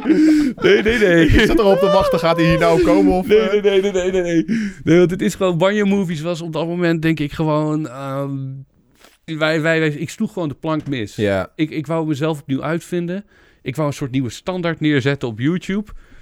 Het, maakt, het werkte gewoon niet voor jou hoe jij het wilde. Nee, ik, ik, haalde, ik haalde er ook geen voldoening uit. Ik, Maar je bent er wel teruggevallen op wat je deed, right? Wat je vooraf deed. nee, ook niet. Ik ben... In a way. Ik ben, en dat is, dat is wel iets waar ik heel trots op ben. Ik ben abrupt, heel abrupt gestopt met heel veel dingen. Ja. En dat is iets, eh, ook in 2016, de, eh, de Pokémon Go-hype. Toen was ik weer in één keer Ja. de populairste van Nederland. Ja. Dat was de enige maand, volgens mij juli 2016, dat ik weer de nummer 1 van Nederland was in een goede abonnees. Ja. En het stomme is, en dit is een hele nare karaktereigenschap van mij, maar ik denk dat de beste kant van Banjo Movies, eh dat ben ik zelf, en de slechtste kant ben ik zelf.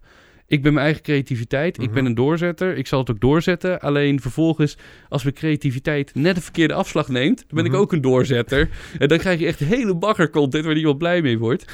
En het leuke is, en ook aan de smoesjes, ook op die periode waar we het net over hadden, dat Mhm. ik dus de plank missloeg. Ik heb de hele irritante eigenschap om op mijn hoogtepunt te stoppen. Als ik het gevoel heb van, ik heb toen ook 25 video's gemaakt van de 50 smoesjes. Toen dacht ik ook bij mezelf, ja, wat wil ik nu doen? Wil ik elke keer een video maken met 500.000 kijkers en wachten tot ik die 10.000 uit- aantik? Ja. Of stop ik nu gewoon? Ja. En dat heb ik ook gedaan. En tot de dag van vandaag willen mensen alleen maar meer smoesjes. En ik ga ze zich verdomme ook niet geven, ook niet. Want ik heb zoiets, dat was mijn hoogtepunt, ik ben er klaar mee. Hetzelfde geldt voor in het echte leven. Wat dat betreft is het ook wel fijn hoe kansloos is geëindigd. Ik bedoel, dat is ook op het hoogtepunt gestopt. Ja. Ik ben ook gewoon abrupt in één keer na drie maanden of vier maanden met Pokémon Go. Terwijl ik echt 200.000 kijkers ja, per video. stopte hij ook gewoon. Ja, toen had ik ook zoiets van, hey, fuck dit, ik heb hier ook geen zin meer in. En het moeilijke vind ik ook, ehm, voor mij als creator, ja, ik voel laatst wat ik hier aan toevoeg hoor, sorry. Eh, dat ik denk dat het heel fijn is, eh, creatieve vrijheid. Ja. Want als je begint op YouTube ben je belangeloos. Ook met name die periode die ik net beschreef. Mhm. Ik had het gevoel dat ik bekeken werd. Ik had het gevoel dat mijn kwaliteit omhoog moest gaan. Het moest allemaal beter en mooier worden. En op een gegeven moment, als dan zoveel mensen meekijken, zoals bij bijvoorbeeld die Pokémon Go-video's toen de tijd, dan dacht iedereen ook dat ik alleen maar een Pokémon Go-kanaal was. Ja, waarom, als ik een sketch deed, kwamen ze naar me toe, waarom doe je daar een sketch? Ja. Waarom zit je geen Pokémon te vangen? Ga Pokémon ja, vangen. Ja, ja, ja. En toen was ik wel een beetje heel boos geworden dat ik dacht, ja, ik vind Pokémon leuk, jongens. Maar comedy is Ja. mijn passie. Ik wil die lach bij iedereen losmaken. Dus eh, de stekker uit Pokémon, vaarwel. En als ik dan een sketch maakte en ze zeiden, doe de smoesjes. Nou, oké, dan de stekker uit de smoesjes. En dit is heel averechts en heel erg krom dat ik zo tegenstrijdig ben.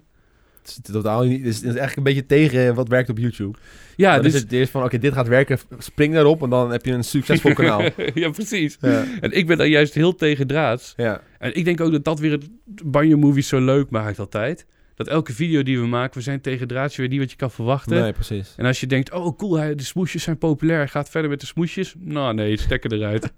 en dat, dat hoort er een beetje bij. Er was altijd, was altijd zo'n vooroordeel bij, bij banjo movies dat jouw kwaliteit bleef altijd een beetje achter. Zeg maar, je had zeg maar die beetje die kwaliteit in die tijd was gewoon normaal. Maar op een gegeven moment ging de kwaliteit hoger, de camera's werden beter. Mhm. Maar banjo movies bleef altijd die crappy kwaliteit houden. Ja. Was dat echt gewoon bewust? Ja, ook? ja, ja, ja, 100 procent. 100%. Ja? Oké, Ik, dat is met name omdat ik, ik, ik geloof niet in kwaliteit, ik geloof in toegankelijkheid. Oké. En ik geloof wel bepaalde vormen van kwaliteit, maar die moeten altijd inhoudelijk zijn. En dat is iets wat ik heel erg mis. Het Ja. is voor veel mensen, en dat vind ik ook een heel moeilijk argument, voor gamers. eh, ja, ik, ik- ik- Ja, je zei net ook al van dat ze steeds betere spullen kopen en Exact. dan op elkaar gaan lijken en shit. ja, en dat is met name ni- niks te nadelen hoor. Ik zeg met name dat je zelf een gamer bent, je kan jezelf verdedigen. Mhm. Ik kan ook wel zeggen beauty gurus, maar die zitten hier niet. Dus, Nee. eh, maar nee, voor gamers, jullie zetten altijd, jullie ook hè. Nu, ga ik, nu wordt het racistisch. Schermen maar weer over één kant. Ja, ja, precies. Daar heb je weer die lul van Banjo. Nee, en het, voor de gamers, die kunnen één keer een setup neerzetten en daarmee is het ook gedaan. Ja. Voor mij, ik moet die setup telkens veranderen. Ik moet die Mhm. shots uit mijn hoofd na gaan denken. Ik moet na gaan denken wel, welk personage doet wat. Wat is een beweegredenen? Ja. Hoe ontwikkelt de scenario zich in een video? En het is niet voor mij een kwestie van lamp aan, lamp aan, opnemen. En dan vervolgens, je edit veel meer dan ik geloof ik. Want een sketch, die is heel makkelijk te monteren. En een gaming video is nog wel wat moeite. Dat is een groot verschil tussen gaming en sketches, denk ik. Ja, het ligt ook aan wat je gewend bent, denk ik. Kijk, ik kan heel Mhm. snel een gaming video editen. Als ik een sketch ga maken, ben ik daar langer mee bezig. Maar jij kan heel goed Ja. sketches editen. En je denkt daar van tevoren natuurlijk ook meer over na. En dan is een gaming video weer anders. True. Ja, nou het fijne bij sketches denk ik dat ik juist... Ik heb een script, dus ik weet gewoon... Ja, Hey, en dan zegt iemand hallo. Dus oké, hey, die zit daar. Hallo, die zit daar. ja. En volgende... En je plakt gewoon eigenlijk al die zinnen achter elkaar. En dan is die sketch klaar. En dan uploaden maar. En ehm, ja, het enige wat nu... eh, Oh ja, de kwaliteit van Banjo Movies. Want nee, die is altijd wel enigszins bewust crap geweest. Ja. Omdat ik me niet te veel wou focussen op een scherp shot. Ik wou me niet te veel focussen op eh, goede belichting. Ik wil me gewoon focussen op goede grappen, sterke scenario's. En een, een video die je wil delen met je vrienden. Een video Mhm. die indruk maakt en een video die blijft hangen of zo. Ik heb nu ook toevallig echt... Gisteren heb ik een video geüpload. Weer voor het eerst sinds Ja, een hele lange zeker. tijd. En je ziet ook aan die video dat de kwaliteit is net te harde bij sommige stukken. Dat je denkt, ja, dit is net te harde. Maar de humor is daardoor wel, vind ik persoonlijk, is heel narcistisch weer om te zeggen hoor, maar die vind ik dan wel weer van een goed niveau. Ik denk dat ook de reden is waarom Dumpert bijvoorbeeld werkt. Ja. Allemaal met een telefoontje, crapje gefilmd. Dat, dat brengt die humor gewoon zoveel meer naar boven. Precies. Ja. En dan heb je ook echt het gevoel alsof je met een vriend meekijkt of Ja. zo. Nou, ik, vind dat, ik, vind dat wel, jam- ik vind dat wel moeilijk. En niet jammer, ik vind het moeilijk om die, om die middenweg te vinden. Want wat ik bijvoorbeeld persoonlijk heel erg heb, ik hou van eh, investeren in, in technologie en snufjes. En ik, ik ben echt een tech-freak in dat opzicht. Mhm. Dus ik heb graag een dure camera, omdat ik dat gewoon heel leuk vind. Ja. En dan, dan wil ik daar ook graag mijn video's mee maken. En dan om dan nog proberen die humor naar voren te krijgen. Maar wat ik dan bijvoorbeeld doe, ik heb dan bijvoorbeeld daar een camera staan. En die is gewoon, heel, gewoon best Mhm. wel een dure camera. Je kan er hele mooie dingen mee maken. Maar ik film dan volgens wel zo mijn onderkin. en, en helemaal autofocus, dat het gewoon kut is. En eh, ik, heb, ik gebruik niet eens meer een microfoon op dat ding, omdat het me gewoon allemaal geen hond boeit.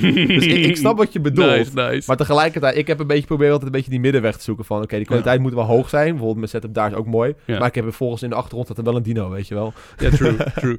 En Weet je, dat, is, dat, dat vind ik ook wat mooi hoor. Want het is een beetje de tijdsinvesteringsvraag die je dan hebt. Eh, van waar, waar denk je liever graag over na? Over eh, de echt hoe je de, je shot samenstelt? Of denk je liever na over de inhoud van een scenario? Denk je na over je setup, hoe je overkomt? Over de game die je gaat spelen? Ja, voor games is dat dan makkelijker. Want zoals je al zei, je bouwt één keer een setup en daar is het klaar. Ja. Dus ik, ik heb daar één keer gewoon goed over nagedacht. Ik zet het meer zoals ik Mhm. het mooi goed, en goed vind. En ik Ja. maak daar gewoon 20 video's op. True.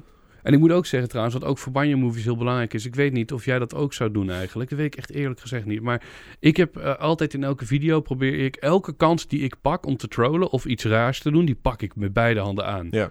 En daarmee eh, nu bijvoorbeeld die site om eh, korte uitleg voor mensen komen straks wel meer op. Ik weet niet of we dat wel of niet doen, maar ik ben nu bezig met een actie om een nominatie te krijgen voor Feed Award. Ja. Op een site makebanjogreatagain.nl. En op die site moet ik nu allemaal stomme keuzes maken. Wat wordt een icoontje van de website? Oh ja. En ik ben altijd iemand die zoveel mogelijk loopt te trollen en te kutten, zodat mensen het gaan delen. Ja. En dat is ook een groot ding geweest aan de kwaliteit van de video's, dat ik die heel erg naar beneden doe. eh, zodat mensen er meer over gaan praten. Van ja, waarom is je video onderbelicht? Ja, er zijn toch 20 extra reacties. Waarom zit nummer 16 er niet in? Dat waren echt 300 extra reacties. ik heb nu ook met makebyyourgreatagain.nl heb ik het icoon van de website. Heb ik gewoon eigenlijk een, een eh, erect mannen eh, ding mhm. gedaan. Dat je denkt dus, en ik krijg allemaal tweets binnen van, ja, wat ben je nou voor idioot? Er staat gewoon daar, ik, uh, ben Kerels je... en naken, Ja, ja, ja, ja. Precies. En ik denk bij mezelf, ja, dat is perfect. Jij bent nu mijn URL aan het tweeten. Dit is precies wat ik wou. Dus, Ja, maar dat is ook bij ons wel zo. Als wij een spel spelen, dan willen we juist dat het spel kapot gaat. We willen dat er een glitch komt, want dat is hilarisch. Daar springen wij op in. Wij, wij, wij maken iets moois van de imperfectie van, in dit geval, een spel. En bij jou is dat dus hetzelfde ook zo, maar dan met die humor en ja, kwaliteit. Zoveel mogelijk kutten wat je kan. Ja, Ik had ook zo'n ehm, fake recensie. Daar kreeg ik heel veel gezeur mee met vrienden. Van, ja, kan je dat wel doen? En, ja, eh, en ik had zo'n fake recensie gemaakt van ehm, Dylan Hagens. Die dan zogenaamd zegt van, ja, Bardo Ellens die moet echt die feed award pakken. Helemaal verdiend. en dat ik daar een plaatje van Gio achter geplakt. Vanwege alle king alerts en zo, weet je wel.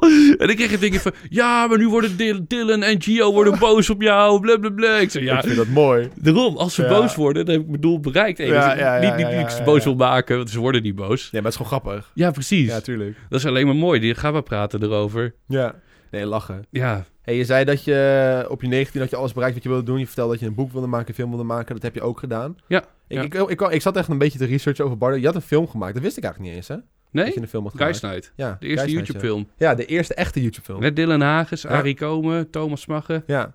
Was dat, wat, was, was dat ook echt een, een flink project waar... eh, hoe, Ja. hoe- in hoeverre was jij daarbij betrokken en zo? En wat, wat, Het, het, het is een, het is heel moeilijk eh, om het helemaal precies goed uit te leggen.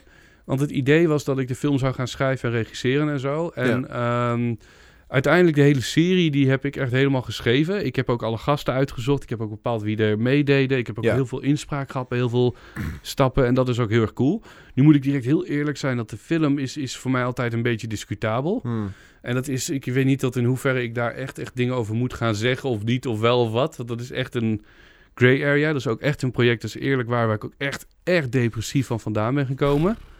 Ik, als je mij nu zegt, Bardo, je mag één ding van je kanaal direct verwijderen. Wat wordt het? die film. Die film. Ja. Die film gaat er per direct af. Het is ook de enige Banjo-movie waar ik niet om kan lachen. Hmm. Ik bedoel, ik kan me heel vaak mezelf uitlachen. Dan denk ik, wat ben ik een sukkel en een loser. En dat is ook de enige de, grappige feit. De film heb ik nooit helemaal achter elkaar gekeken. Omdat ik het echt niet kan aanzien. Zo erg, ja? Ik vind het... Ik, ik, ik- Maar waar ging het mis? Ja, dat is dus het moeilijke. Ik, ik weet niet zo heel goed wat ik daar wel en niet Ja, over je, je, wilt geen, je wilt geen mensen aanwijzen, zeker? Nee, exact. Ik wil ook Ja. geen modder gooien. Want het Nee. is, eh, de film is ook een eh, einde geweest van een hele mooie samenwerking. Met ook Mhm. heel veel mensen waar ik heel, heel erg dankbaar voor ben. Echt waar. Die zijn Ja. toffe dingen. Niet alleen voor mij, maar ook voor iedereen die bij die film betrokken was. Er zijn heel veel vette dingen uitgekomen. Kijk naar Dylan, die heeft nu zijn eigen film kunnen maken. Eh, Thomas, die is daar blijven hangen. Die heeft nog een goede baan overgehouden. Dat is super tof natuurlijk. Ja. En vanuit mij is eigenlijk mijn, mijn hele visie op de media, mijn hele hoop, mijn hele dromen van wat ik wil maken, zijn er eigenlijk kapot op gegaan. En ik Hmm. voel tot op de dag van vandaag, laat ik daar heel duidelijk over zijn, dat is het pijnlijkste voor mij, dat ik gewoon de kijkers heb bedrogen. Ja. Kijkers, die hou ik een verhaaltje voor en dat verhaaltje klopt gewoon niet. Tegelijkertijd, terwijl ik die film aan het doen was, zat ik ook op een woonboot in Amsterdam voor de opnames van die eh, film en dergelijke. Ja, Eh had ik echt een woonboot afgehuurd voor een maand of twee of zo. cool. Vond ik ook heel cool. En ondertussen, eh, ja, ondertussen... Ja, ik Joost- stoot even tegen de camera. ja, Joost die valt even iedereen aan hier. Maar dat, Oké. dat komt wel goed. Zit in het midden. Daarom. En ondertussen op die woonboot, wil ik nog zeggen... Dat was wel heel cool. Dat was een uitlaatklep. En dat was ook zo moeilijk hieraan. Toen heb ik Duisternis Smoesjes geschreven. Oké. Dus terwijl hij was eigenlijk uit frustratie op een bootje... Heb je een boek gemaakt? heb ik een boek gemaakt. dat ik echt dacht van... Alles hier is zo achterlijk wat hier gebeurt. Ja. Ik, ik, ik, waarom kunnen we niet gewoon lekker lachen met z'n allen? Dat ik gewoon... Een boek had ik, oké, duisternis smoesjes. Wat moet er erin? Ik wil dit erin, ik wil dit ja, erin. Ja, ja. Wat, wat zou nou lachen zijn? Nou, nummer 16 gaat ontbreken. ik heb ook echt aan het begin van dat boek Duisternis Smoesjes... Ja, ik ga direct... Je merkt wel, maar ik vind Duisternis Smoesjes... Daar ben ik echt heel trots op. En je, bent- je hebt eigenlijk gewoon iets moois gemaakt in een periode wat minder mooi was. Ja. Ja. Eigenlijk mijn lelijkste en mijn mooiste projecten... zijn in dezelfde maand uitgekomen. Ja. Duisternis Smoesjes En, en, de film. en de film. Geinig. Ja, terwijl voor de duidelijkheid, ik, ik, ben, ik, ik ben ook wel trots op de film. Ik ben ook dankbaar voor de film. Het heeft me veel geleerd. Ik ben nu... Ik ben nog maar 26, hè. Dus Zou je het overdoen? Een film maken? een film maken, ja. Ja. Ja, maar dan nu op mijn eigen termen. Ik heb echt, echt vier, vijf pitches gedaan. Die zijn geweldig. Oké. Ik ga jou straks na deze uitzending één ding vertellen nog over een film. Die heb ik verzonnen. Mhm. Die is... Ik, mag ik je vloeken nog? Ja. Ja, die is... eh, nee, nee, nee, ik ga dat toch, toch niet doen, hè. nee, maar Godverdomme, Bardo! ik wil wel godverdomme zeggen. Maar ik heb één keer een film verzonnen. En die is eerlijk verkocht. Oh, Die is- shit. Verder gegaan is met iemand die je kent ook. Ja? En die is eh, bijna uitgevoerd ook. Gelukkig is hij gecanceld. Anders was ik echt... Wow. Was je Dus- boos geworden? Ja, daarom. Dus dat was een beetje een dingetje. Eh, maar ik heb mijn eigen uitwerking nog van de film, dus eh, die heb ik ook uitgewerkt. Ik heb ook echt thuis oprecht een script liggen nog, van iets dat ik wil gaan maken ooit. Vet. En de enige reden om dat te doen is ook een beetje die brok die ik nog voel in mijn keel van... Ja, ja, ja, ja. Mensen, weet je hoe het voelt ook voor mij? Mensen denken, eh, ik voel me een, een bewijzen van hoor, even in muziektermen praten. Ik voel me dan bewijzen van een eh hiphopper wiens eerste album een klassiek album is. Dus je denkt, ja, maar dat klopt niet. Ik wil wel dat mensen weten dat ik dan een hiphopper ben en niet een klassiek album ding Mm, maak. Weet je snap hem. En daarom zou ik heel graag een film maken op mijn eigen termen. Ja. En als ik terug in de tijd zou reizen, dan zou ik tegen mezelf zeggen, ja, doe het maar. Want iedereen moet een keer knijterhard op zijn bek gaan. Tuurlijk, vallen en opstaan. Precies. Je leert niks zonder te falen. En ik denk ook een beetje la hoe een trampoline werkt. Oh, dit wordt heel filosofisch. Hoe het trampoline werkt, maar hoe dieper je in de trampoline springt, hoe, hoger je, kan stuiteren. Ja. En daar gaat het om. Ben echt filosofisch, Barno. Ja, dankjewel, ik, le- ik dankjewel. leer hier nog dingen van. Als je een paar tegeltjes hebt, plakken we die hierop zo. eh. Gewoon van die mooie Delftsblauwe tegels met quotes van Bardo. ja, exact, exact. Ja. hey, maar ehm, op YouTube ben je dus in één keer echt een tijd offline geweest, laat ik het zo noemen. Ja. Je hebt een tijd niks meer gedaan. En wat ik eigenlijk altijd dacht van in die tijd van, oké, je, je maakte je boek, eh, je had je tv-programma, je maakte je, je, je smoesjes, die haalden gewoon 100, 200 tot 300.000 views. Ja. Daar verdient Bardo zijn geld aan. Maar wat doe je nu, wat, wat heb je in die periode gedaan om eigenlijk een beetje nog de kost te maken of om jezelf bezig te houden? En, En dan bedoel je met name die periode van 2016 en dergelijke. nou ja, dat je gewoon niet eh, uploaden. Maar ik bedoel, je hebt gisteren Ja. ook bijvoorbeeld je eerste video weer geüpload in, in vier maanden, drie maanden tijd. Dus je, je, je moet wat gedaan hebben in de tussentijd, lijkt ik. Ja, in de video vertelde dat je chips aan het eten was op de bank. Ja, maar dat was een grapje, right? Ja, dat was een grapje. Dat was een grapje. Nee, dat is 100% waar. Nee, ik, ik, ik, ik ben altijd verslaafd geweest aan YouTube. Elke keer als ik zeg, hey, ik stop ermee, dan ben ik toch weer binnen een paar maanden weer terug om iets te doen een keertje. Ja, Ehm, het, het moeilijke is een beetje dat... eh, laat ik vooral je eerste vraag beantwoorden. Wat doe ik de laatste maanden? Ik werk gewoon samen iets meer. Ik werk iets meer achter de schermen. Ik ben iets meer voor mijn eigen mentale gezondheid gewoon even naar beneden gegaan. oké. Omdat ik me ook echt nog een beetje... De emoties van YouTube, die zitten me heel hoog op veel gebieden. Ik, Hmm. 13 jaar achter elkaar gewoon non-stop YouTube. Hè. Het is nu Ik snap 2019, 2006 begonnen. Ja, daar word je gewoon gek van. Ik, zit, ik word ook van mezelf dat ik denk, jezus. En ik merk ook aan eh, video's die ik maakte af en toe op bepaalde momenten. Met name begin 2017 heb ik een serie gedaan op Banjo Movies. En dat heette dan de Banjo Break. Ja. Nou, als ik aan terugdenk, denk ik ook, ja, de Banjo Break is gewoon echt verzonnen. Net als die Jill Hoffenheim waar we het over hadden. Ja. Zo van, oh ja, ja, kinderen die willen heel graag een eh, coole break. Dus kom naar Banjo Movies voor je Banjo Ja, Break. ja, Ja, ja, dude, dit is cringy. Uh-huh. Ik, je moet gewoon af en toe even dan een, eh, bijna een detox doen. En gewoon aan jezelf gaan denken. Gewoon even weg van het internet stappen. En even denken, ja, wat wil ik nou zelf? Hard reset. Exact. En eh, ik voelde me ook wel enigszins genakt natuurlijk door het Mhm. hele YouTube gebeuren, alles wat er is gebeurd. Ik ben ook nog altijd heel trots op de Huistuin in Smoesjes. De film die Ja. er is geweest vind ik ook wel tof. Ik heb er wel moeite mee, maar toch, het is er wel eenmaal. En ehm, al die dingen samen, dat maakte mij dan toch wel, hoe gek het ook is, eh, enigszins onzeker word je ervan. Want hoe verder je voor de camera komt, hoe, hoe meer mensen naar je kijken, Ja. hoe minder belangeloos je bezig bent. Ja. En hoe meer je je ook vast, vast komt aan de grond of zo. Hmm. Die, die vrije, leuke jongen die je vroeger was. Van, oh, huis is populair. Ik ga huis het echte leven maken. Of ik kom te laat op school. Dus ik ga dan alle smoesjes die ik te laat ben... of die ik vertel als ik te laat ben... die ga ik gewoon opnemen. Ja. Die, die, die stupiditeit is er een beetje vanaf. Ja. En dat maakt het ook voor mij heel erg moeilijk om die banjo-movies te doen. En waar ik dan concreet van leef, om je vraag te beantwoorden... dat was... ehm, in dit geval waren dat side-projecten. Hmm. Ik werk bijvoorbeeld nu heel veel samen met een hele goede vriendin van mij, Dionne. Dat is super tof om eh, ja, onder die te dat helpen. vroeg ik me ook af. Want ik zie jou eigenlijk alleen maar bij Dionne langskomen. Ja, daar, Ja. Zit, ik, eh, daar zit ik ook. Bij Bas, OCC natuurlijk. Ja, ja, ja, En daar doe ik Next Level Heroes mee. Mhm. Fucking vet programma trouwens voor iedereen. Eh, mocht je een beetje geeky zijn, check het. Mhm. Next Level Heroes. Ja, Ronald was de laatste keer te gast. Ja, over Harry Potter. Ja, zeker. het is gewoon fucking tof om een uur lang te geeken over één onderwerp. En het fijne is, wat ik er nog aan toe kan voegen... want dat zijn mijn twee dingen die ik echt doe. Plus workshops. Doe ook workshops. Workshops, nice. Wat heel raar is. Want Waarover eigenlijk? Gewoon op YouTube of? over YouTube, eh, creativiteit, storytelling... Vet. Eh, scenario-ontwikkeling, eh, Mhm. personage, wie ben je, wat wil je uitdragen. Ja. Eh, natuurlijk online pesten, hoe kan je dat beter doen? Hoe zorg je dat iemand echt gekrenkt is? Oké. Nee. Nee, nee, nee, je moet niet... Hoe, hoe ben je de nazi van het internet? Ja, exact. Nee, je moet niet typen kneus, dat doet geen pijn. Typ dit Ah. even zo. Dat, ja, ja, ja. dat is echt pijn. Nee. Ehm, en nee, dit hele ding is, en dat vind ik wel cool. Ik, ik, voor Banjo Movies maakte ik dus nu al 13 jaar eigenlijk puberale mannenhumor. Ja. Zo even heel kort gezegd. Eh, voor eh, Bas met eh, Next Level Heroes maken we nu eigenlijk gewoon heel vet geeky nieuws. Waarbij op een hele andere manier je creativiteit moet gebruiken. Ja. Terwijl met Dionne, onder die, daar mag je dus echt meedenken over de gekste slime-video's. En dan hadden we bijvoorbeeld laatst ook een slime-jurk gemaakt. dus dat ze ook echt een hele jurk vol met slime heeft gedaan. Ja. En dat ze daar gewoon echt voor lul staan eigenlijk. Ja, nou ja, voor lul niet, maar het is zo bizar Ja, om te precies. zien. En het is zo leuk dat je je creativiteit dan niet in een comedy, in een sketch hoeft te stoppen, maar gewoon in een slimejurk of, of in een leuke leuk of meuk verzinnen. Maar jij haalt daar wel je creatieve eh, prikkeling van. eh, Stimuleer je ja. daarmee? Zeker, zeker. Want jij zei altijd van ja, je wilt altijd die humor naar voren brengen. Je wilt in alles wat je doet, ook al is het gameplay, daar waar je Mhm. helemaal aan het begin, gameplay en uiteindelijk gewoon sketches. Ja. Die humor moest erin zitten. Maar als jij dus een slime video maakt of je maakt de Next Level Heroes, Goeie. dat is voor jou ook nog echt een drive. Echt waarvan je denkt van oké, dit is echt iets waar ik Eh, mijn creativiteit aan vrij kan. Nou, kan. ja, het is heel erg een drive, maar ik vind het wel heel goed wat je zegt over de comedy, want de comedy is daar iets meer naar de achtergrond. Ja, daarom. Zoals we al zeiden, ehm, in Next Level Heroes draait veel meer om de informatie bijvoorbeeld. Ja, En wij zijn daar op onze persoonlijkheid, persoonlijkheden leunen we. Dus daar zit ook wel echt comedy zit er ook ja natuurlijk. Ik ben verbonden. altijd aan het geinen. Exact, Maar het is een andere drive. exact. Dat je, het, het is minder gescripted ook. Het is een andere drive inderdaad. En eh, voor Dionne, dat is natuurlijk heel erg een amusementswaarde tot Tokio. Ja. Dionne zit daar niet met een eh, scriptje van... oké, ik ga nu deze grap vertellen. Nee, dat doet ze niet. natuurlijk niet. En zij zit er gewoon voor, voor zichzelf ook een eh, showtje te maken. Mhm. En ik vind het heel leuk om dan mee te denken achter de schermen. Wat kunnen we doen om die show altijd beter te maken? Ja. Ik weet, ik heb ooit een keer bij de grote... Sorry, halve boer die ik hier vasthoud. Sorry voor de kijkers. Je denkt, wat de fuck doet Bardo daar? Maar, maar eh, de grote improvisatieshow, die heb ik ooit een keer half aan mee mogen doen. Wat heel tof was. En toen sprak ik Wilco Terwijn, een van de gasten die eraan meedoet, ook op tv. En hij zei tegen mij, eh, weinig mensen weten het, maar mijn doel is dat iedereen die hier een podium op gaat om te improviseren met een geladen revolver een podium op gaat. En wat betekent dat?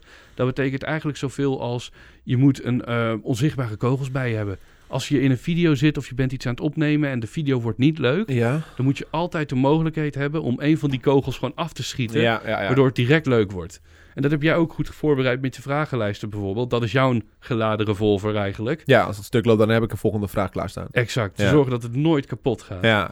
En ik vind dat dan heel leuk om precies dat werk te doen voor een eh, Next Level Heroes of een Oh. uh, onder die om te kijken van hoe maken we het nou meer spicy? Wat kunnen we nog toevoegen? Wat kunnen we niet toevoegen? Ja. Of als ik zeg van ja, wat je, dit, wat je hier vertelt is ook heel raar. Of Ja. misschien dat Dionne wel zegt van ja, ik, wat Pardo, wat vind je van dit idee? Ja. Eh, ik probeer nog altijd zo globaal mogelijk dit te houden hoor. Voordat ik dingen vertel die wel of niet online zijn gekomen, dat ik denk oepsie. Ehm, en dat is eigenlijk het hele ding. Ik weet, afgelopen jaar ook hebben we een zeemerminnenstaart bijvoorbeeld getest. Mhm. Waarvan, ik, eh, waarvan Dion ook zei van, lijkt je dit leuk om te doen? Dan zei ik, lijkt me dit leuk? Dit lijkt me geweldig. Die- Waarom deden we het eerder niet? Hoe kunnen we dit doen? Wat moeten we doen? Wat hebben we nodig? Nou ja, je snapt het wel. Ik snap het principe. Ja. Oké, dus ehm, als laatste. Je hebt dus eh, gisteren een video geüpload weer. Mhm. Make Bardo great again. Je wilt Banjo great again. Je wilt dus die vierde woord pakken. Is dit, eh, gaat dit je grote terugkeer zijn op YouTube? Of wat zijn je plannen voor de toekomst? Wat gaat Bardo Ellens doen in 2019? Nou, ik, laat ik duidelijk zijn, want dat is de Make Banjo Great Again inderdaad. Check het vooral makebangogreatagain.nl allemaal. Even stemmen natuurlijk. Op Banjo Movies in Comedy en Bardo Ellens in Comedy. Ja, Wat mijn ding is, en dat zei ik jou net beneden ook, ik ben natuurlijk van de hele grove, harde, rare humor.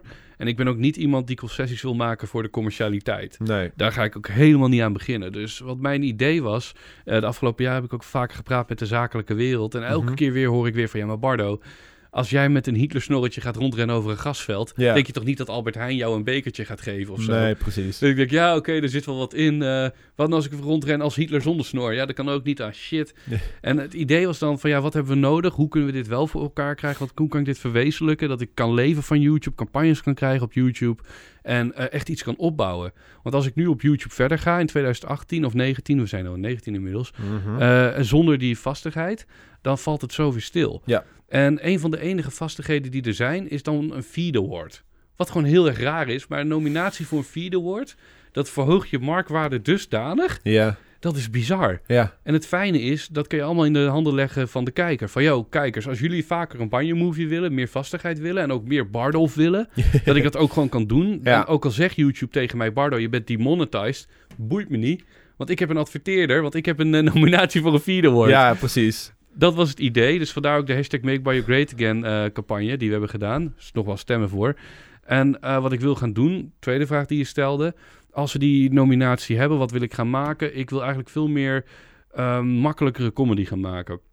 En daarmee niet makkelijker als in eh, relatable, van die flauwe kuthumor die je ziet op Instagram altijd.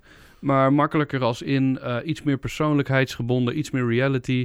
Iets meer dat we ook echt gewoon de straat op gaan, dat je naar mensen toe gaat. Die weet dat ik een keer hier nog naar jou toe kom om een eh, gesprek te doen. En eh, met name een confrontatie aangaan. Oké. Ik heb vorig jaar hebben we met de jongens van Banjo Town hebben we dat gedaan. Ja. Toen ben ik met Jordi echt om de tafel gaan zitten. Mhm. En wat me daar was ik een beetje overvallen door eh, het idee dat ik echt zenuwachtig was. Ik zie wel eens op YouTube video's van mensen die zeggen: Ja, ik ben nu zo zenuwachtig, dat ga je niet geloven. Nee, oh, trillen, trillen. Mhm. En met Jordi was ik oprecht ook zenuwachtig. Ik zag die beelden van mezelf terug en ik dacht ook van ja, maar dit zijn oprechte emoties. Die ik niet vaak zie of geloof bij andere mensen. Ja. En dat zou ik heel graag meer willen doen aankomend jaar. Dat ik gewoon niet alleen comedy meer ga doen. Want comedy, dat is bedoeld om een lach los te peuteren bij iemand. Tuurlijk. Maar misschien ook wel drama. Dat ik gewoon een traan ga lospeuteren bij iemand. Hmm. Misschien ook wel een eh, shock. Dat ik echt iemand in shock achterlaat. Ik heb ook bijvoorbeeld nu, eh, dit is heel bizar, maar eh, contact met Snapking. En ik zit nog te denken om met hem dus, bij hem langs te gaan. En ook met hem de confrontatie aan te gaan. Ja. Want ik weet vorig jaar toen Op Mijn Money van Femke Louise heel populair werd. Als je die googelt, Ja. staat mijn video op nummer 2 nog altijd. Oh, echt? Volgens mij nog wel, of hij is offline. Volgens mij staat hij er nog met 400.000 kijkers. Ja. 10 minuten ongeknipt. Waarbij ik 5 minuten loop te haten op Snapking. Mhm. En Snapking heeft op Twitter, een van zijn laatste tweets was ook... Ik heb nog een appeltje met je te schillen, Ed Ja, ja, ik dacht, oeh, dit is pijnlijk. Ja. En ehm, eh, op, op Instagram zei het Tim ook direct tegen mij van... Ja, je had vroeger wel een grote bek, of niet? Toen dacht ik ook, oh shit, oh shit, wat heb ik gedaan met Snapking? Maar om dat soort confrontaties op te zoeken, te kijken wat we daarmee kunnen. En ehm, Het is wel moeilijk, man. het is heel moeilijk. Ik, ik, als ik dit tegen jou vertel, ik begin al te stuiteren. Ik ja. voel, ik voel mijn lijf hier al, weet je. Ik denk van, ja, wat moet ik wel vertellen? Misschien kijkt Tim dit wel nu. Weet je wel, misschien gooi ik mijn eigen ruiten nu wel niet in. Maar ik- het lijkt me gewoon heel mooi, ook voor Tim, om hem die kans ook te geven... om zichzelf te kunnen verweren een keer. ja. Dat alle gedachten die ik heb, af te sparren tegen hem. En als Tim zegt, Bardo, nee, jij bent ook echt een klootzak geweest, weet je wel. Dat, Mhm. ik, ik ben ook een klootzak geweest tegen Tim. Dat wil ik ook best wel toegeven. En dat mag ook best wel op YouTube komen. Ja. En ik, ik hoop gewoon dat Tim ook kaart de confrontatie terug aangaat dan. En nu alleen even over Snapking Tim. Er zijn nog veel andere voorbeelden die we gaan verzinnen. Ik weet, over drie weken ben ik ook eh, de confrontatie aangegaan met mijn oude beste vriend Thomas van Kansloos. Ja. Want in één keer die vriendschap is ook verdwenen van YouTube. Ja, tuurlijk. Wat En- is daarmee gebeurd? Ja, die is gewoon stilgevallen. Mhm. Ik heb de kinderen van Thomas heb ik één keer gezien. En dat was ook wel schandalig. En ik Hmm. weet ook begin vorig jaar dat die eh, video online kwam van dat het uit was tussen hem en Darcy. Ik was net zo geschrokken als iedereen. Ja. En toen heb ik ook echt wel even een dag voor mezelf genomen. Nou, niet een dag nu, dan overdrijf ik. Nu ben ik alles heel erg aan Ik snap wat je bedoelt. Ik, ik moest wel even nadenken van ja, wat voor waardeloze vriend ben je als je erachter moet komen van hey, Via YouTube. Exact. Juist, ik snap het. En eh, daardoor ook die confrontatie, dat is een hele eh zielige, nou niet zielige, maar emotionele confrontatie over een vriendschap die we hebben opgebouwd. En ook het verhaal wat ik hier nu met jou heb gedeeld over eh, hoe Banjo Movies groot werd en is gevallen en alles. Ja, ja, ja. De enige persoon op aarde met wie ik exact, die exact dit heeft meegemaakt is Thomas. Ja, Hij is wat dat betreft echt mijn bloedbroeder geweest. ja. Wij werden op hetzelfde moment populair. We hebben op hetzelfde moment hetzelfde programma gedaan. Hij heeft meegedaan in mijn film. Hij heeft meegeschreven aan mijn boek. We werden samen heel groot. We werden samen heel klein. Het is wel grappig. Mijn vriendin zei nog van, je had eigenlijk Thomas erbij moeten vragen. Serieus? Dat zei ze. Ja, ze zei, je had Oh. eigenlijk Thomas en Bardo samen moeten hebben voor de podcast. je moeten doen. Ja, ik zat te denken van, dat is wel een goeie inderdaad. Maar ik had jou gesproken en ik had niet Thomas gesproken. Ah, Weet Thomas woont in Delft ook, hè? Die, ja, eh, ik weet het. Ik weet het. Ik ben een keertje Oh. dicht bij zijn huis geweest. Ik, ik zou eigenlijk ook in Delft gaan wonen, maar toen uiteindelijk hier. Maar... Oh man. Wat Maar- lachen. Wat jammer, ja. Ja, maar ik denk Thomas sowieso nog een keertje langs gaat komen. Want hij heeft ook een heel interessant verhaal. Een hele interessante... ja, maar hij heeft dus ook echt... Hij heeft ook de Voice of Holland nog gepresenteerd, hè? Dat je denkt, jij heeft gewoon met Bruno Mars ook aan Ja. tafel gezeten. en Zo. Dat zijn zulke bizarre verhalen die hij ook heeft. Ja, daarom. Ja, maar ook het hele afgelopen verhaal met, met natuurlijk zijn, eh, met zijn ex-vriendin en zijn kinderen. En eh, Ja. met koningvlogs in één keer erbij. Dat is allemaal drama.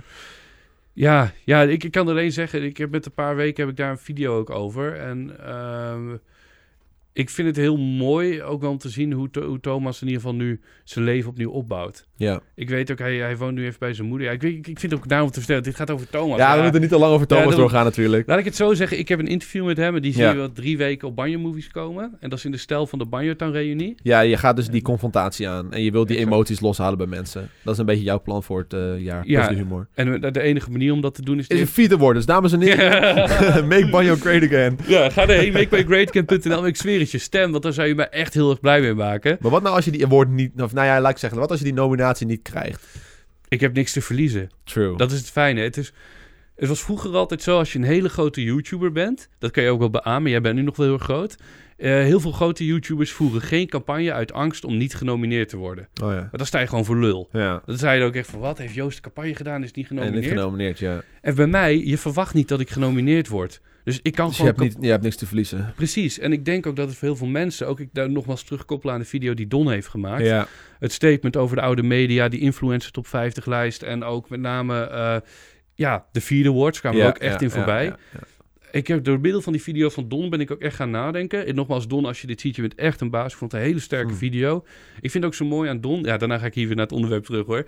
Ik vind het zo mooi aan Don. Bij sommige dingen ben ik het misschien niet met hem eens. Maar het inspireert me nog wel. En het respect is er dan zo groot voor die jongen. Dat ik denk, oké, ik ben het hier niet helemaal mee eens. Maar ik Ja. snap wel helemaal je punt. En eh, alles op en eraan. En mijn idee was, ook wat Don daar zei. In plaats van mezelf buiten schakelen, dacht ik, ik moet gewoon het, spel, het spelveld gaan veranderen. Ja. Ik ga gewoon vol met een gestrekt been erin. Ja. Dat je denkt, wow, Bardo, je bent even helemaal achterlijk bezig. Wat doe je nou? Wat als je niet genomineerd wordt? I don't give a fuck. Ja, We hebben niks te verliezen. Precies. En er zijn heel veel mensen die weten dat de vierde awards... Of ja, die weten, die zeggen dat het nep is. Die zeggen het is een populariteitswedstrijd. Het draait om stemmen. Het is geen Oscar. Nou, dan denk ik bij mezelf, dan is dit misschien de kans om dat te bewijzen.